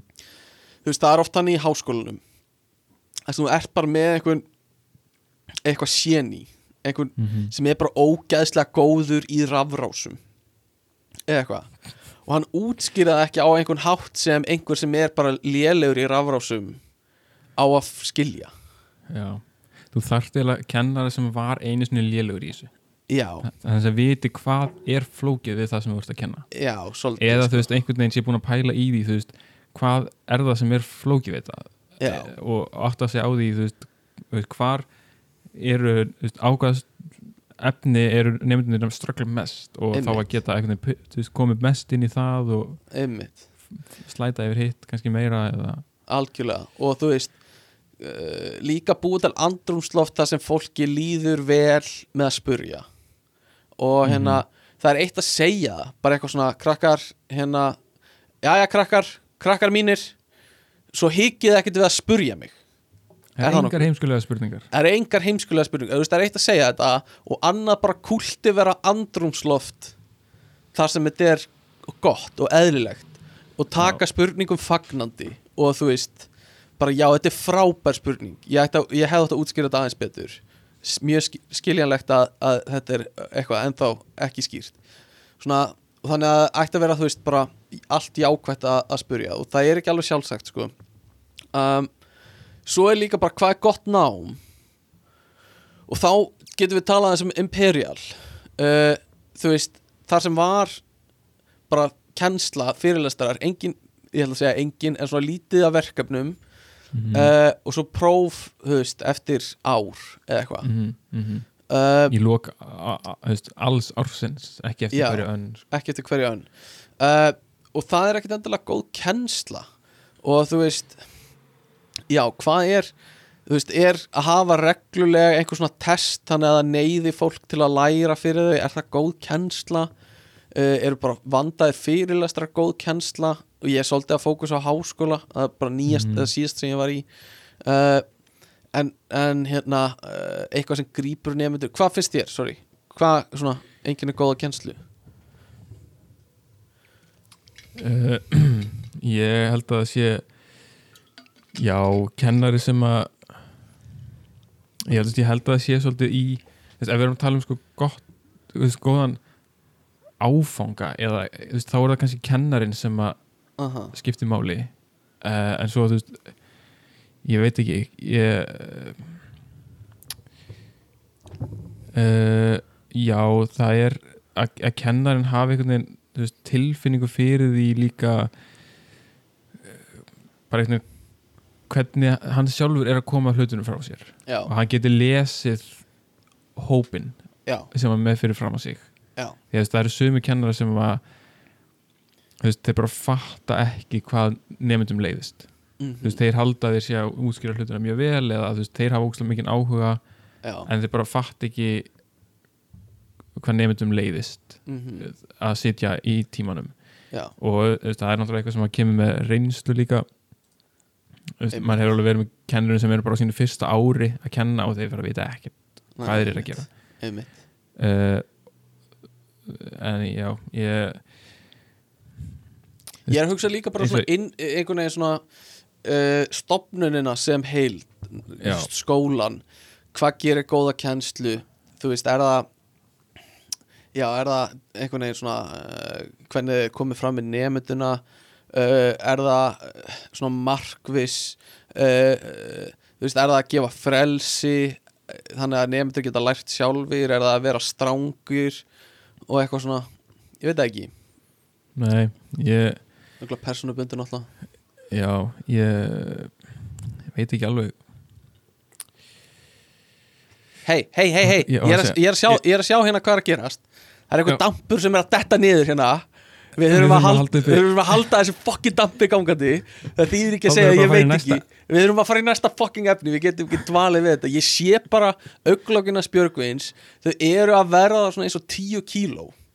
Þannig að það er alltaf þingra og erfiðar að halda þeim öfnum. Við þurfum að halda þessu hérna gangandi. Ég Björgvin, sé að næsta, næsta efni er, er fucking hot topic. Hot fucking topic Björgvin, horfða mig. Eru krakkar að verða heimskari og nú ætlum við bara að opna fyrir þetta. Við, hefðist, Já. það er engin hérna sem er í stjórnunastöðu skóla. Það er engin Það er ekki- hérna sem er í einhverju skólapólitík með foreldra á fucking bakinu. Við getum sjáð engin PC svör. Engin fucking PC svörina krakkar er að missa fucking einbeitingunum sína. Þau eru að sökka sér onni í snjálsímanu sína. Þetta er fucking stórt vandamál. Það voru fréttir í vikunum um það að það þurft að banna síma í skólunum það voru eitthvað þrjár mögulega leiðir. Þú kannst skili síman eftir heima. Þú kannst verið með hann í töskunniðinni niður í allan daginn. Eða þú kannst bara eitthvað, ég bara ekki hvað þrið var hent símanum í ruslið, eitthvað skilur kennarar eru, eru segja það ekki upp átt en þeir eru að hugsa þetta að krakkar sé að verða heimskari. Krakkar eru að verða fucking heimskari. Ég held að hérna sko, að- eðlisfari held ég að þeir sé ekki að verða heimskari. Uh, það meikar ekkit sens Þú veist, það er ekkit breyst í þróun mannsins eða því DNA Nei, en mannsins held ég. kannski drekka minni veist. Það gæti verið, Þessi- allir þessi haframjólk er að er drepa þessa krakka. það er eitthvað að gera sko. uh, en sko, ég held að séu gerða minni kröfur já, man- mér líður þannig og, og einhverju kennar og einhverju af þeim sem við tökum viðtal við sögðu það, þeim liði þannig líka að það væri gerða minni kröfur og, og, uh, og það kannski hefur svona á, veist, ef, ef, þú- ef þú gerir minni kröfur á, ef þú gerir bara aðeins minni kröfur á hverju einasta ári í skóla Aha, að já. þá náttúrulega þegar þú ert komin í framhaldsskóla að þá, þú veist ertu örugglega markvist á eftir á einhverjum sem var Mhm. kannski þú veist, tíu ára mynda er í skóla eða eitthvað. Einmitt, einmitt. uh, en mér finnst svo mikið kannski- sko eins og að krakkar þá 1950 hefðu öll átt að vera Einstein sko. Eða hefðu öll Nei. átt að vera fucking gáð ég held að ég, ég held að það sé að, að það sé einhver hluti blásið út. Uh, það sé kannski ekkit ógeðslega dramatíst eins og byrtist í fjölmiðlum. Nei, en samt kannski nógu mikið til þess að kennarar taka vel eftir því. Og ég held get alveg trúa því að þú veist, símar, Mhm. samfélagsmiðlar hafi marktæk áhrif á, á þú veist, einmitt. bara einbettingu og veist, ég veit ekki námsvilja eða eitthvað. Getur þú Eh, ímyndaðar ef að við hefðum verið með síma á okkar tíma með við bara tíma sem við eittum í Just Jack Rabbit 2 sko í tölvuverðinu í skólanum. Ef við værum með bara eitthvað eitthvað, einhver gerfigreindar algoritma sem reiknar út nákvæmlega vídjóin sem þú þarfst að fá til þú haldir áfram að skrolla sko. Þú veist, Hva- þegar kennarar, með einhverjum mannlegi kennarar á Mhm. Íslandi, eða þú skiptir ekkert mál hvað þeir eru þeir eru að þeir eru keppa við ja, þeir eru Já. mannlegir. Er að keppa við einhver ómannleg tæki Já, sem já. að þú veist, og, og einhverja tæknirisa með ógislega mikið fjármagn til þess að, þú veist, akkurat þú veist, besta Hérna, skjáttíman já. Bara gera hann sem mestan. Já, þau eru að keppa þú veist, að keppa um aðtegli, keppast um aðtegli við einhverja tæknirisa út í heimi. Já, og þá er þetta bara töpu barata svolítið sko. Uh, uh, uh, og hérna veist, hefur þetta líka áhrif á aðtegli spannið er að þó þau séu ekki með síman sko? Þeir búið að skilir að börnin í það að þurfa alltaf eitthvað nýtt eftir 15 sekundur sko. Uh, uh, geta þau ekki einbeitt sér uh, og sest niður og, og lesið í einhverju samfélagsfræði bók um Mhm. uh, fólki sem er í skák í Budapest í hérna baðhúsunum eða eitthvað. Uh, ég veit það ég held, ekki. en ég held, að, ég held að myndi ekki taka ógeðslega langan tíma fyrir börn að veist, venja sig af því að detoxa ef að þau, Já, og þessu ekki bara börn bara fólk, já, já, bara almenning líka eða þessu fullorði fólk líka. Fólk, einmitt. En mér finnst það það er líka alveg á bara jafn vondum stað sko margir. 100% sko. Þetta er bara í vinnunni þá þarf þetta alltaf að hafa vísi opin á öðrum skjánum sko. Og gera vinnu á hinnum skjánum og svo flettir á næsta grein á vísi og eitthvað svona bla bla. Uh, En mér finnst þess að gera minni kröfur pæling áhugaverð líka. Að hérna þú veist, sérstaklega eftir COVID þá var kannski slakað á einhverjum kröfum og það hefur einhver áhrif sko í mörg ár öruglega mm uh, að þú veist, það er skiljanlegt þú sért aðeins eftir á að því þú ert heima náttúrulega og eitthvað svona og, Já. og það er náttúrulega margt sem þú veist og, og, og hérna krakki minn eh, þarf þess og þess að þetta þannig að ekki kannski setja ómikla kröfur á hann í, í stafsynningunni eitthvað svona bla bla bla. Og kennar er bara Mhm. já, ekkert mál. Við aðlöfum þetta og, og skiljanlegt og svo fær hann F í einhvern og, og fóreldrin eitthvað svona nei, býtu hérna, hann á ekki skilja F, hann á að fá B.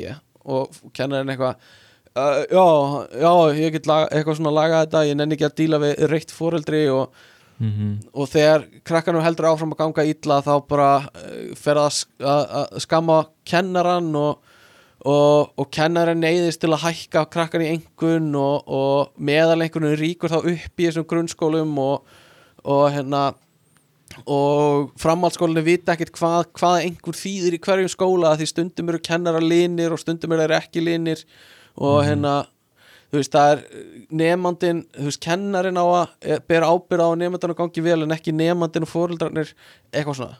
Mhm. ég reyna að koma bara eins mi- miklu og ég get út sko. Já, já.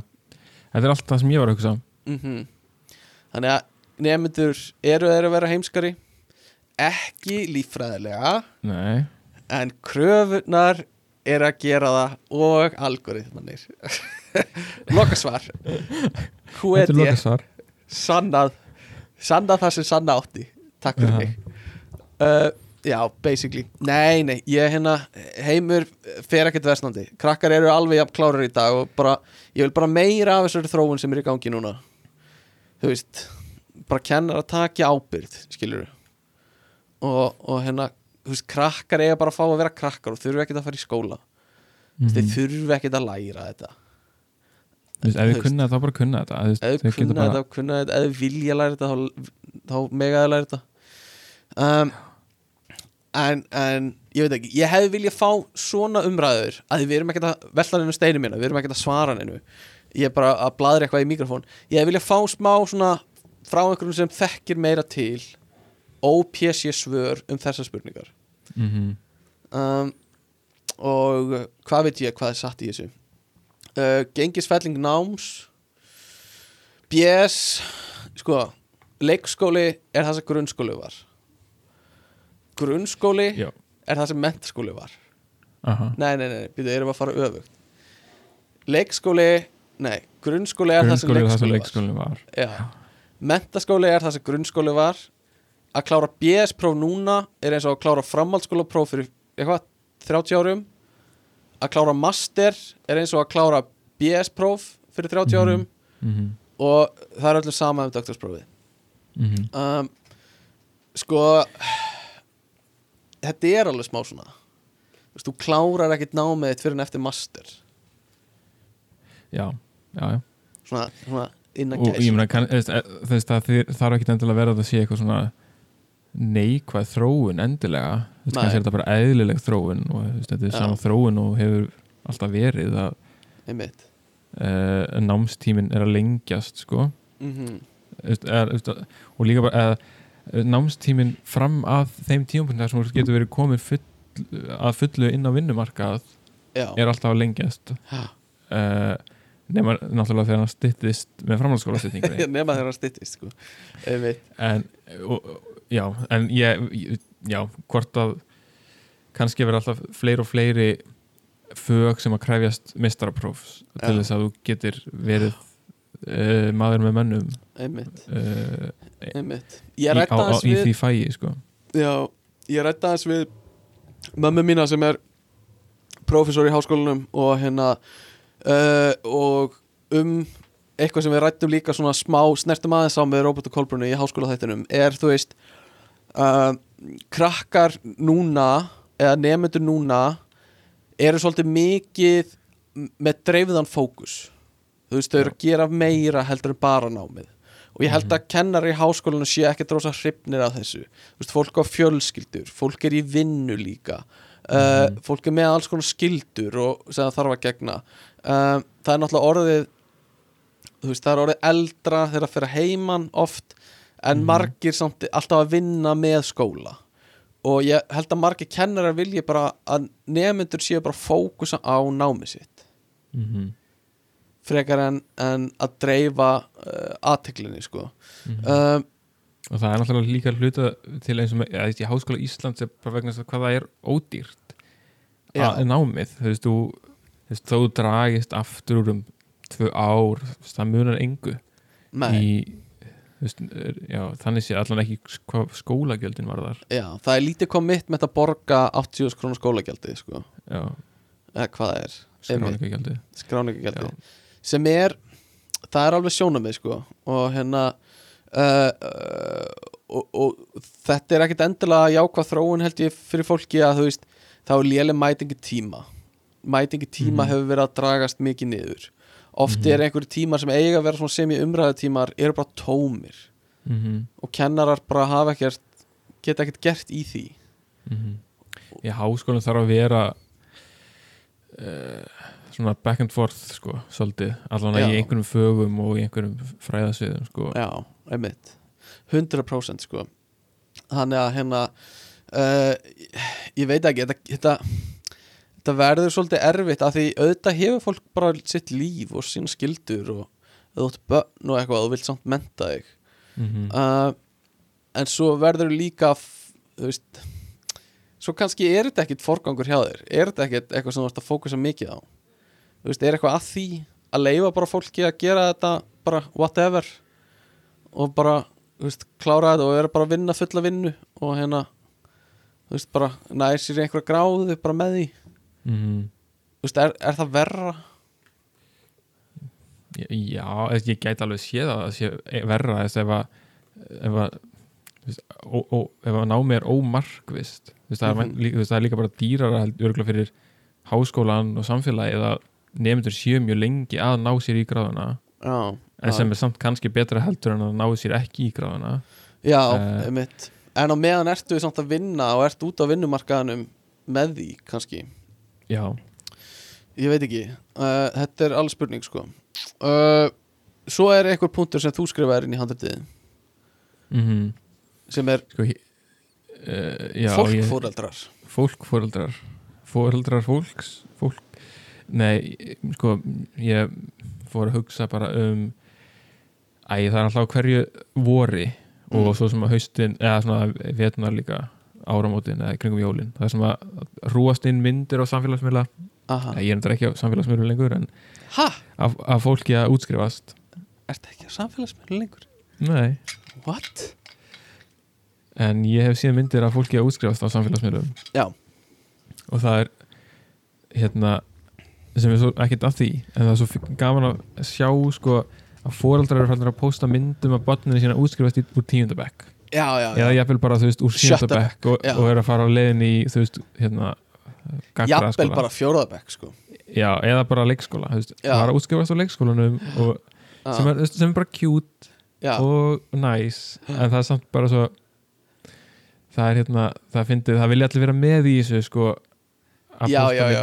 mynd og sína að hafa verið afreikað eitthvað Gunnar var að útskrifast úr, úr meistarakprófi uh, Ritgerðarnas hétt uh, Finding uh, Light Particles Within the uh, Outer Reaches of Space eitthvað svona Astrophysics. Og svo næsti posti fyrir neðan Gunnar var að útskrifast með litin bláan úr leikskóla ég er Mhm. ótrúlega stolt á og, Ertu að tala um að þú er sért að jafn já, leggja- afrek, sko. Já, leggja þetta til jams Jafs einmitt, það, það, er, það er nefnilega það sem er, Mhm. er fyndið við þetta e, og, og hérna það fæ, sko ég man einhvern tíman og ég fann Mhm. postin á Instagram sem að hún Birgitta Líf uh, samfélagsmiðla stjarnar hérna postaði á Instagram fyrir alveg einhverjum árum en þetta er einhvern veginn fast í minnin og mér. Uh, þetta var auðvitað á einhverjum svona útskriftar sísoni þar sem allir voru að posta myndum á sér að útskrifast. Einmitt. Og hún, hún postaði líka mynd á sér að útskrifast. Já, uh, og hérna eh, og hún skrifar ég var vist líka að útskrifast. Já. uh, já, og svo, og svo erum við mynda af hérna hún var samt að útskrifast úr bara einhverju svona einhverju svona út, einhverju námskeiði bara. Já, já, já, já, já, já, og hún, eða, hún heldur á iPad. Veist, allir á öllum útskriftamyndum þá heldur fólk á svona á skiltinni sínu sem er veginn umslag og eitthvað, en hún heldur bara á er með pdf-skjali í full screen. Eitthvað svona viðkenningaskjal fyrir að hafa klárað eitthvað námskeið Já. einhverju akademías uh, náms, uh, fyrirtæki sem er með eitthvað svona námskeið sem eru ofta eitthvað viðskiptafræði tengd eða einmitt, svona einmitt.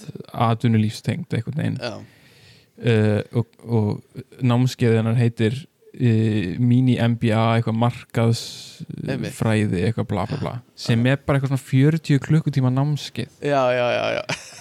uh, en þú Ok, veist Já, við hlægjum að þessu en þú veist, náttúrulega allt nám er gott nám skilur við, og Já, bara já, flott en- hjá henni en það er fyndið að reyna að taka þátt í útskriftatrendinu, sko. Já, það veist, er alveg fyndið. og svona, þú veist, hún vil, hún vil ekki missa af því, eitthvað svona, Já, á það er allir að posta mynda sér að útskrifast uh, ég það líka og svo, svo er kapsjónu, ég var að víst líka að útskrifast. Já, já, já, já. En Eh. kannski ekki endilega taka fram að þetta sé 40 klukkutíma námskeið nei, nei, nei, nei, en hérna það, ég reyndar, ég verð að fá að segja eitt og ég, með þetta Akademias, það er Mm. svona fyrirtæki sem býður upp á námskeið sem eru svona utan uh, ótengt einhverjum skólum eða mentastofnunum og eitthvað. Uh, en veist, þetta er svo þeir, bjóðu upp á einhverja svona gráðu sem ég held veist, ég veit ekki hvort þetta sé eitthvað svona viðurkend stopnun á háskólastíði en þau bjóðu upp á eitthvað sem heitir eitthvað svona Executive MBA Ok, uh, sem er basically bara svona þú veist, til þess að klára það þá ertu bara að klára sapn af svona 40 klukktíma einhverju námskeiðum. Ok. Og ég hef eitthvað svo litla trú á því að þetta séu eitthvað alveg dæmi. Eða, þú veist, ég held að eina sem þú græðir á þessu er bara eitthvað svona tengslamyndun veist, að hérna veist, eins og einn ein punkturinn sem við erum með veist, af hverju þetta er betur heldur svona hefðbundin MBA gráða já, er uh, að sko uh, sko þau segja í hefðbundin MBA námi eru 10-50 leiðbennendur þar með talið gestafyrirlesarar þú veist, í mhm, öllu náminu. Já, í Executive MBA námi í Akademias eru að jafnaði 10-20 leiðbennendur í hverju námskeiði já. sem þýðir að fólk lærir af 100 til 200 leiðbennendum Faldi að takast eina gráðu sem að, þú veist, tekur, ég veit ekki, eitt ár kannski að klára eitthvað, það eru 200 mann sem er að reyna að koma einhverjum boðskap inn í hausina þér. Ég, ég það hef bara ekki trúið því að það sé Nei, gott. nei, þetta er- Eh. svo mikið magn fram með gæði dóti hérna sko. Bara veist, meira hlýtur að vera betra. Já, og líka bara svona tengjast, þú veist, bara svona mynda tengsl við, þú veist, hvern sem er. Og svo er ekki ætlast til þess eftir hvern tíma þá ferðu að tala við náungan, Já, fá, þú veist, LinkedIn Já, tengjast í gegnum. LinkedIn og svo er þetta bara eitthvað svona einmitt. Mér finnst það smá hljóma eins og, eins og þau væri að auglýsa sko í hefðbundnu meistaranámi þá eru að meðaltali 25 glærur í glærupakka í, ná, í fyrirlestri Já. við erum með 56 glærur að meðaltali í, í glærupakkanum eitthvað Já, í hefðbundu meistarverkefni er einn leiðbyrnandi já, í verkefninu í okkur þá ertu með fjóra leiðbyrnandi sem allir eru að skipta sér að verkefninu. Já, já einmitt. uh, Guð mig góður, ef ég hef verið með fjóra leiðbindur sem allir hefði verið en varstu búin að hugsa um þetta teika á þetta, það er nóg að hafa einn sko, það er bara Vá, já, þetta er mjög fyndið sko, Akademias, örgulega vinna gott starf. Mér finnst svolítið eins og við séum á rosalega háum hesti í svo þætti sko við, Já, já, algjörlega það er bara það sem við gerum sko. Já, já, og hérna uh, þú veist, bara uh, svo, þú veist, já, já, við hérna við höfum bara okkar hérna reynslu og, og, og eitthvað, I don't know. Já, já. En, öll já, mentun er góð mentun í mínum huga sko. já, en það er bara spurning sko veist, hvort að hún sé þess virði að borga fyrir hana veist, eins og þessi, námskeið eitt námskeið sem er 18 klukkutímar 6 sinnum 3 klukkutímar já, kostar 240.000 krónur. Já það er það er dýrst sko. En Það það, er er, hefur, veistu hvað, þú veist, Dale Carnegie kostar 350 þú veist, Já, ég, ég veit að þetta er ókslega dýrt og uh, já, Þetta, maður þarf að komast inn á hana námskeiða þetta er markað bara svona sko. fjárfesting sko uh, þetta er bara- í rauninni held ég bara fjárfesta í einhver svona tengslaneti sko, Þetta er oft, já, örglega sko. Og sama með svona uh, ráðstefnur. Ég hef haldið fyrirlestur á einhverju ráðstefnum. Ég var fengið til að halda fyrirlestur núna seinna í mánuðinum á einhverju markasetningar ráðstefnu uh, og þú veist það er bara svona, þú veist, kostar inn á ráðstefnuna og fá einhverju til að tala sko. Já, og svo tengslamyndun aðalmálið held ég.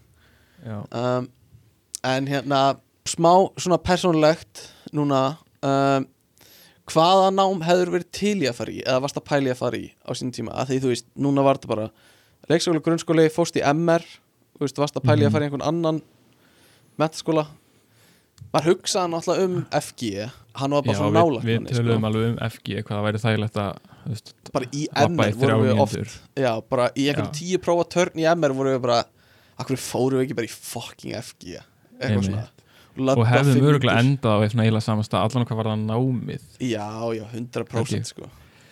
En ekki félagslífið, Eh, baby. nei, ég held ekki. En já uh, en sko hérna þú veist, núna mm. hef ég alveg oft hugsað eitthvað svona mm, kannski hef ég átt að velja eitthvað annað. Mm Þú veist, eins, og ég, eins og ég var að tala um á veist, ég var að sækja um eitthvað í veist, og það er eitthvað sem ég langar að já, þú veist, ég alveg að gera. Einmitt. Og þannig að þú veist, þannig að núna kannski hef, veist, ég veit ekki hvort ég hefði til að va- valið það á þeim tíma. Veist, ég Nei. var alveg mjög svona raunvísinda fókust sko, alveg í gegnum MR og í gegnum háskólan líka. Já, já, veist, það var eiginlega ekkert svona fyrir setna sem að svona, "Ah, kannski hefði verið gaman að prófa eitthvað þetta eða, einmitt. En það er, veist, þarf heldur ekki að vera sent sko, endilega. Nei, alls ekki sko. Um, Alls ekki og, og hérna uh, allt háskólanám náttúrulega Það er svona aðeins kannski að seinta fyrir annan mentaskóla uh, Veit ekki hverja reglunur eru að að, hérna Já. 29 ára einhver uh, hlungur sest á, Þú veist, á hérna. ef þú ætlar að fara að taka annað stúdenspróf þá já.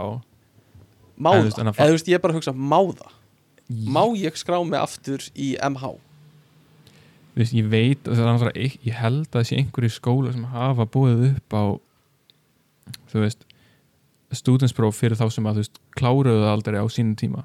Já. En ekki þeir sitja líka í bekk með Ég 15 ára krökkum. Ég veit ekki hvernig það er sko. Ef það væri bara einlægur vilji minn sem óútskrifaður uh, ó, með, ekki með stúdinspróf 35 ára hlungur mm. sem, og ég vildi bara setjast á skólabekk í, þú veist MR eða Vestló Mm mætti ég sækja tímana? Ég veit það ekki, það var náttúrulega fucking weird. Um, en líka þú veist, ef ég er útskrifaður úr mentaskóla, má ég skrá mig aftur í mentaskóla já, ég held ég held að það sé svona öðaldari spurning að segja bara nei, Nei. Veist, ekki þannig að þú sért að stefna öðru stúdensprófi þannig Það að væri það ekki eru einhverjar hurðir sem lokast eftir mentun í örgla, já, potið lagi sko. Alls ekki í lagi sko. Þess, ég Ah. held líka veist, eins og fólk sem að kannski er komið með háskólaprófi eða eitthvað eins og ég og sækir síðan um í eitthvað svona verknám eins og húsgagnasmíði eða eitthvað. Það er alveg erfiðar að komast inn því að þau, veist, þeir sem er að er að útskrifa þú tíundabæk hafa alveg forgang, einmitt, alveg einmitt. mikinn forgang. Þú veist, ekki, þú veist, þannig að einhver gæði sem að útskrifa þú verkfræði og vill bara eitthvað læra að smíða húsgögn sem eitthvað hobby þannig að hann get ekki tekið ploss af einhverjum öðrum sko. já, þetta er, er á- ágæti punktur sko. ég var á sínum tíma að pæli að fara í MA mér langaði svolítið að fara í uh, vera á heimavist á mennskólum á Akureyri já, ég man eftir uh, ég, ég hugsaði alveg um það líka og hérna, talaði um það við mömmu hún var bara ekki sátt við það Að Það, já, einmitt, einmitt Það hefði nú verið geðveikt ef við hefðum farið tveir norður sko. uh, væru kannski ennþá fyrir norðan sko. uh, en ég bara, mér fannst það ævintýri sko, og mér langaði að prófa eitthvað nýtt og þú veist, góður skóli fyrir norðan og eitthvað Mhm. uh, og svo er ég náttúrulega líka ekki sannur emmeringur nema ég segja þú veist, ég hugsa alveg um læknisfræðina uh, Mm. eins og allir emmeringar uh, ég ákvað bara, þú veist, þetta er ekki nám þetta er lífstíl og ég Já. því bara ekki Já, ég nefndi ekki, þú sama. veist, ég var alveg til að vera læknir eins og mamma, en vinn ekki við það mm. er það bara rosa mikið commitment og svona, sjö ára nám, átt ára nám eða eitthvað. Um, þannig að ég ákvað nei uh, þú veist, verkfræði var bara eitthvað svona að halda mörgum dyrum opnum. Þú getur farið í alls konar í verkfræði Mhm. og skapandi verkfræði hugbúnaða verkfræði af því þú veist, þú getur búið til hluti þegar þú forritar Mhm. Mhm. upp heimasíður, tölvuleiki, alls konar dót. Þess vegna valdi ég það. Ég, svona, mest af ákvörðunum mínum hefur verið bara að halda eins mörgu opnu á þess að þurfa að ákveða eitthvað nákvæmlega. Uh, og það var sama með þú veist, akkur ég valdi eh, brautina mín í mentaskóla eh, hvaða braut ég valdi bara, mér fannst þess að þessi braut væri opnust fyrir sem Já. mest. Um, og já þannig að, ég veit ekki, spáði líka í leikaranum. Uh, já, en það var líka, þá var ég búin að vera að tala við fólk og það var að tala um bara hvað verið mikið hark að vera svona artisti. Þú veist, ekki Mhm. hvað þú færi launi inn í næsta veist, alltaf að harka. Veist, sem er sjarmerandi upp af vissum mörgum en svo færði bara nóg sko. held ég. Uh, já, ég held að það sé mjög erfitt til lengri tíma.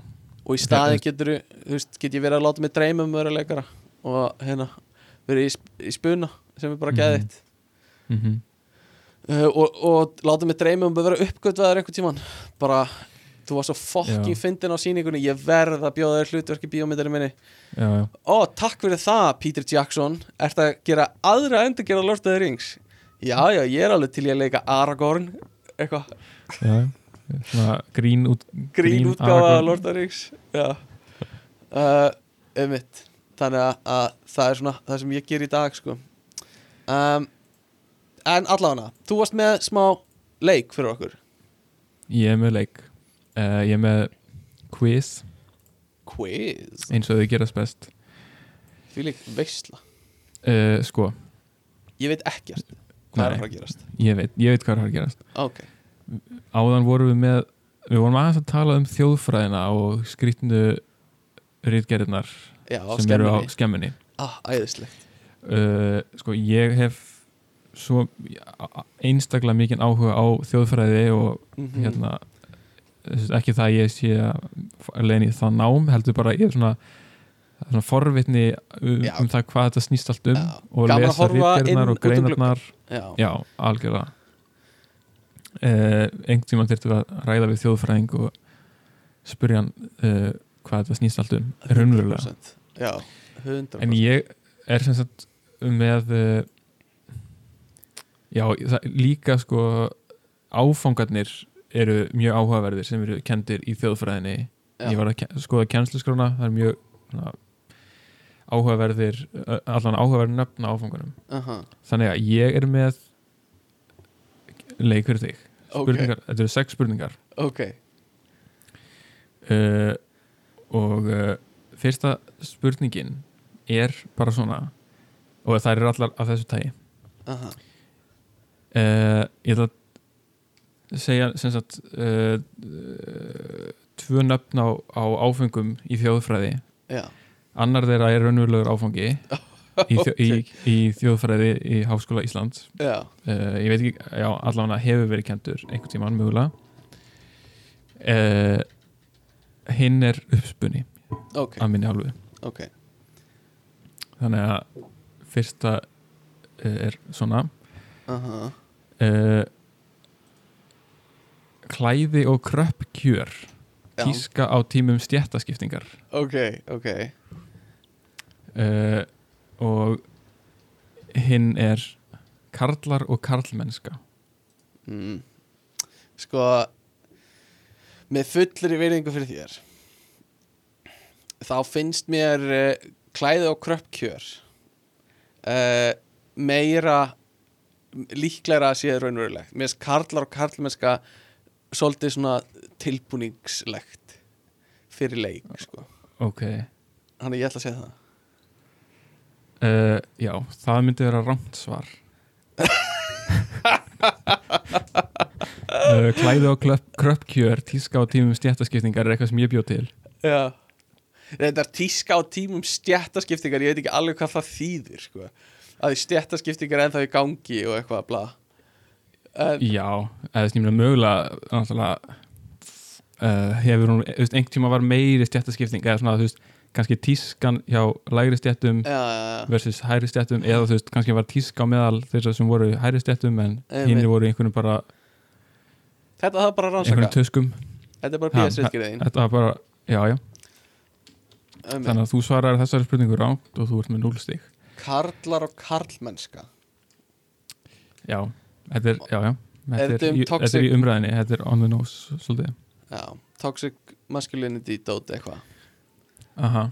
Interesting. Uh, spurning 2 Aftur, er þetta alveg áfangi í þjóðfræði eða er þetta uppspunni? Já, já. Uh, Númer 1 Rokkar og stokkar og reður í krús söfn og fræði. Ok Þetta Eða er ekki nafn og áfanga, þetta er byrjun og ferskillu sko. Hvað er í gangi? Uh, Akkurat. Og hinn er uh, Karpað og varpað. Hlutverk og gildi hlaðvarpa í íslenskri samtíma menningu nei, fuck off. Það, það getur ekki verið. Sko, ok, lest aðeins fyrsta aftur Rokkar og stokkar og reður í krús söfn og fræði. Svona reður í krús tvípunktur söfn og fræði. Söfnafræði Og annað er búið til.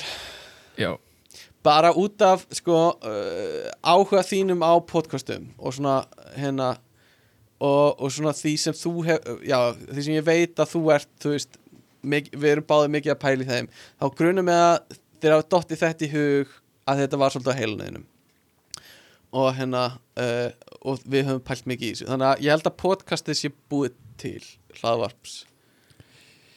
Uh, já þú lest mig eins og opna bók. Það er rétt, rétt svar hjá þér. En samt alveg eiginlega áhugaverðari ég væri algjörlega til að sitja þann áfanga sko. Það væri, já, það er margt að ræða þar sko. Rosalegt sko. Ok, þriða spurning. Mjög, að, mjög gott samt var, var kvarpað og varpað. Karpað og varpað. Já, uh, Já, ok, spurning þrjú aftur. Uh, Alvöru áfangi í þjóðfræði eða uppspunni aha. Uh, Ok, númer eitt. Formæður og franskir barmar. Uh, Menningarmörk, klæðnaður og þjóðernismótun á 19. öld. Ah, my f- já, Ok, eða Úr hagkaupslopp í hagfræðibleysir Innreið íslenskra kvenna á atunumarkað ah, fuck off með það. Uh, uh, þetta er alveg erfitt sko. Uh, sko fyrra hljómaði þú veist það hljómaði líklega en það þýðir ekki að sé líklega já, eitthvað sem professor í skó, háskólanum setti saman. Já, já, já. Og það er meira svona sagfræði og eitthvað sem einhver eldri hefur grúskað mikið í.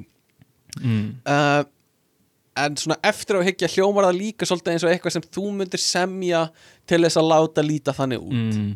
Mm þannig, sko ég ætla að segja að þetta fyrsta sé lígi Ok, uh, og þetta seinna sé alvöru. Reyna að lesa það aftur. Setna já, já, okay, já. Úr hagkaupslopp í hagfræðibleysir Innreið íslenskra kvenna á atunumarkað já, ég held að það sé alvöru. Bara því þú varst að træharta rosa mikið á hinnu að gera það raunverulegt. Ok, uh, já, þú last mig ekki núna. Uh, sem þetta var rangt hjá þér. Já, uh, Ég bjóð til hennan hagkaupslopps Ok. uh, áfanga ok. En hann er auðvitað skemmtilegur áfangi. Hann væri örugglega- já, örugglega mjög fín sko.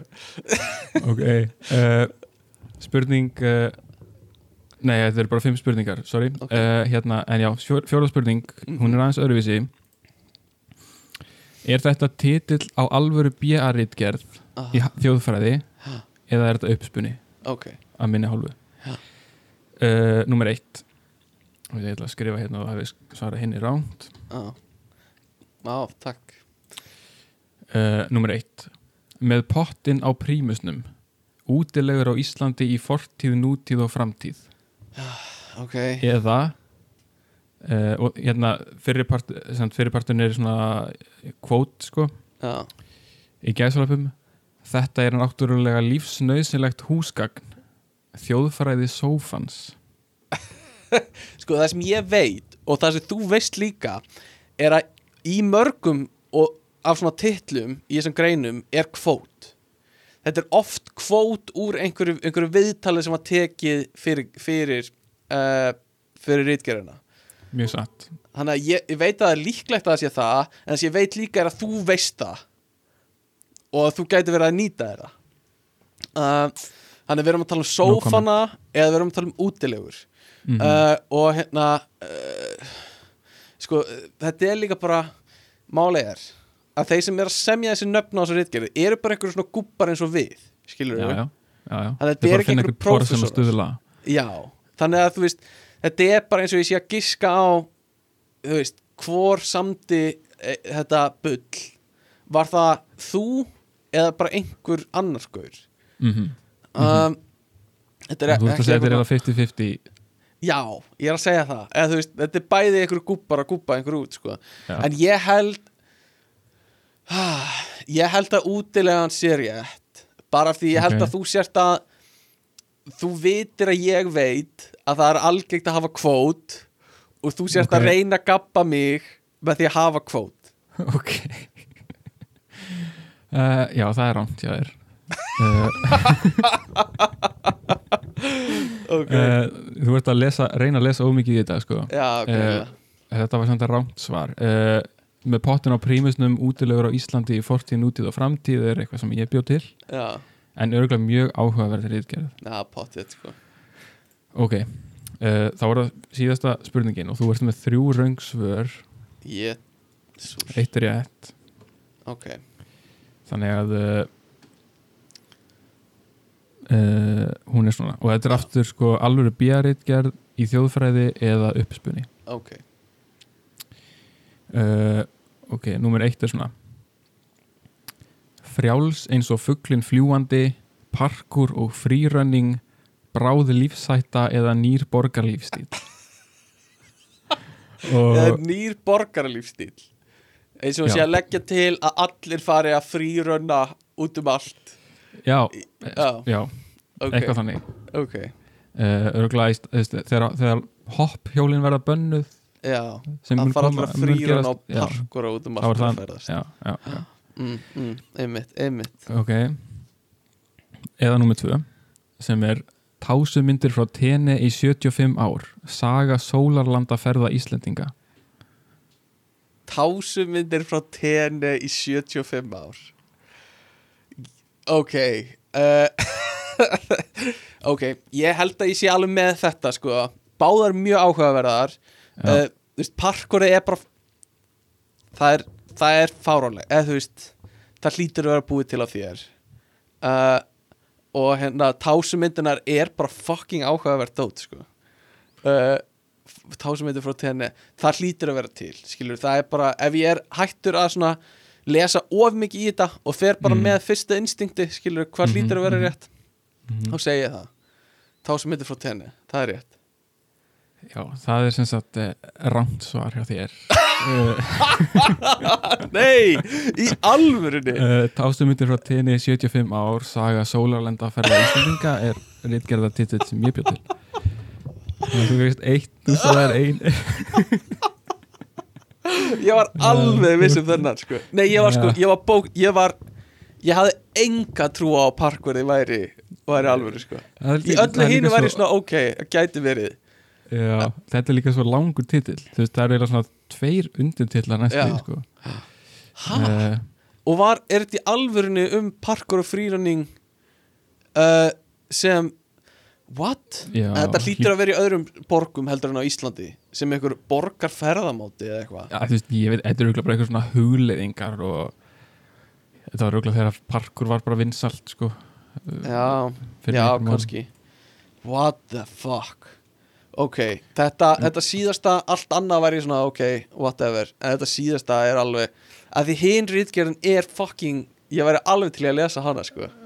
Tásumindir frá 70 frá 1950 það væri fucking snild það væri æðislegt sko. eitthvað svona hot dogs or relax frá Mhm. 1954 það. Einmitt, já, það væri snild sko. Nefnilega. Uh, uh, Takk fyrir þetta, þetta var gott sko, þetta var gott quiz. Uh, Kanski gerum við meira af þessu einhvern tímann. Þetta er gott að geta gripið í þetta. Þetta er sama með nöfnin, ég væri alveg til að gera kannski einhvern tímann fleiri svona nafnakviss Er þetta alvöru nafn eða er þetta búið til að mér? mm, mm, mm, Eða þú veist, er þetta löglegt nafn frá mannanafnefnd eða er þetta ekki, eitthvað bla bla. Um, Allavega uh, Þetta var góð þáttur, langur þáttur. Uh, Ég svona sé til hvernig ég edit hann Hvort ég hérna skipti honum upp í tvo þætti það gæti verið og þá, þá tek ég sennilega bara auka intro inn í, inn í þá þætti og átró bara sjálfur, við látum Björgun ekki gera það leggjum það ekki á, á mannin kannski tökum við upp hérna kannski tökum við upp eitthvað ekstra content yfir helgina, sjáum til. Um, en þessi þáttur er allavega búinn langur, góður þáttur. Uh, klukkan er orðin mikið yfir miðnætti hjá Björgunni kærstana Mhm. sem farin að sofa við hliðin á honum uh, og uh, bara komið gott í dag.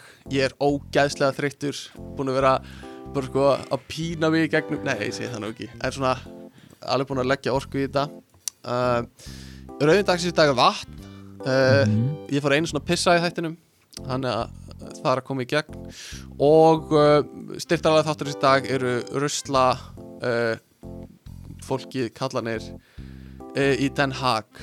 Bíp, bíp, bíp slagur þeirra? Já. beautiful. Um, hérna hafið samband að ekkert frétta at gmail.com eða ekkert frétta á Instagram. Uh, we are back baby. Ég er með fullt af hugmyndum fyrir uh, seasonið. Við erum með allavega tíu uh, þætta sem við erum svona með konum með hugmyndu umræðefni á. Það verður gaman að heyra frá ykkur ef þið eru með hu aðrar hugmyndir fyrir okkur. Um, og svo er ég með alls konar hugmyndir sem, um þætti sem ég, ég get tekið upp hérna á Íslandi þegar strákan eru uppteknir af því þeir eru oft uppteknir uh, sem verða aðeins öðruvísi og með kannski einhverjum gestum þannig að vonandi verður þetta bara gott season hvað segir þú Björgvin? Hvernig er leiðir að taka upp? Er ekki bara næs? Jú, bara mjög fínt fyrir utan netvandræðin á hann en Við köttum það út, sko. það veit enginn af því sko Þurfum ekki að tala um það sko uh, Þannig að Tala senda um okkur hvað? endilega post Hvað? tala um hvað Ég veit ekki hvað það tala um. Uh, Þetta er svolítið að trubla flæðið mitt hérna uh, uh, Þannig að bara senda okkur post eða hafið samband, það er alltaf mjög gaman. Uh, Og uh, Já, bara takk fyrir að hlusta. Takk fyrir að nenn að hlusta. Og það sem ég er að gera núna, kæri hlustundur Er að ég, ég sé Björgun horfa á rúmið sitt sko. Vilja fara að sofa. Mm, Ég Og- er endar ekki að horfa á mitt, ég er að horfa á töluna mína og hérna ég er svona að draga út lokin á þættinum aðeins til að stríðanum uh, eh, en hérna, já, nei, segjum bara segjum þetta gott, eitthvað sem þú vilt bæta við Björgun? Nei, bara góða nótt.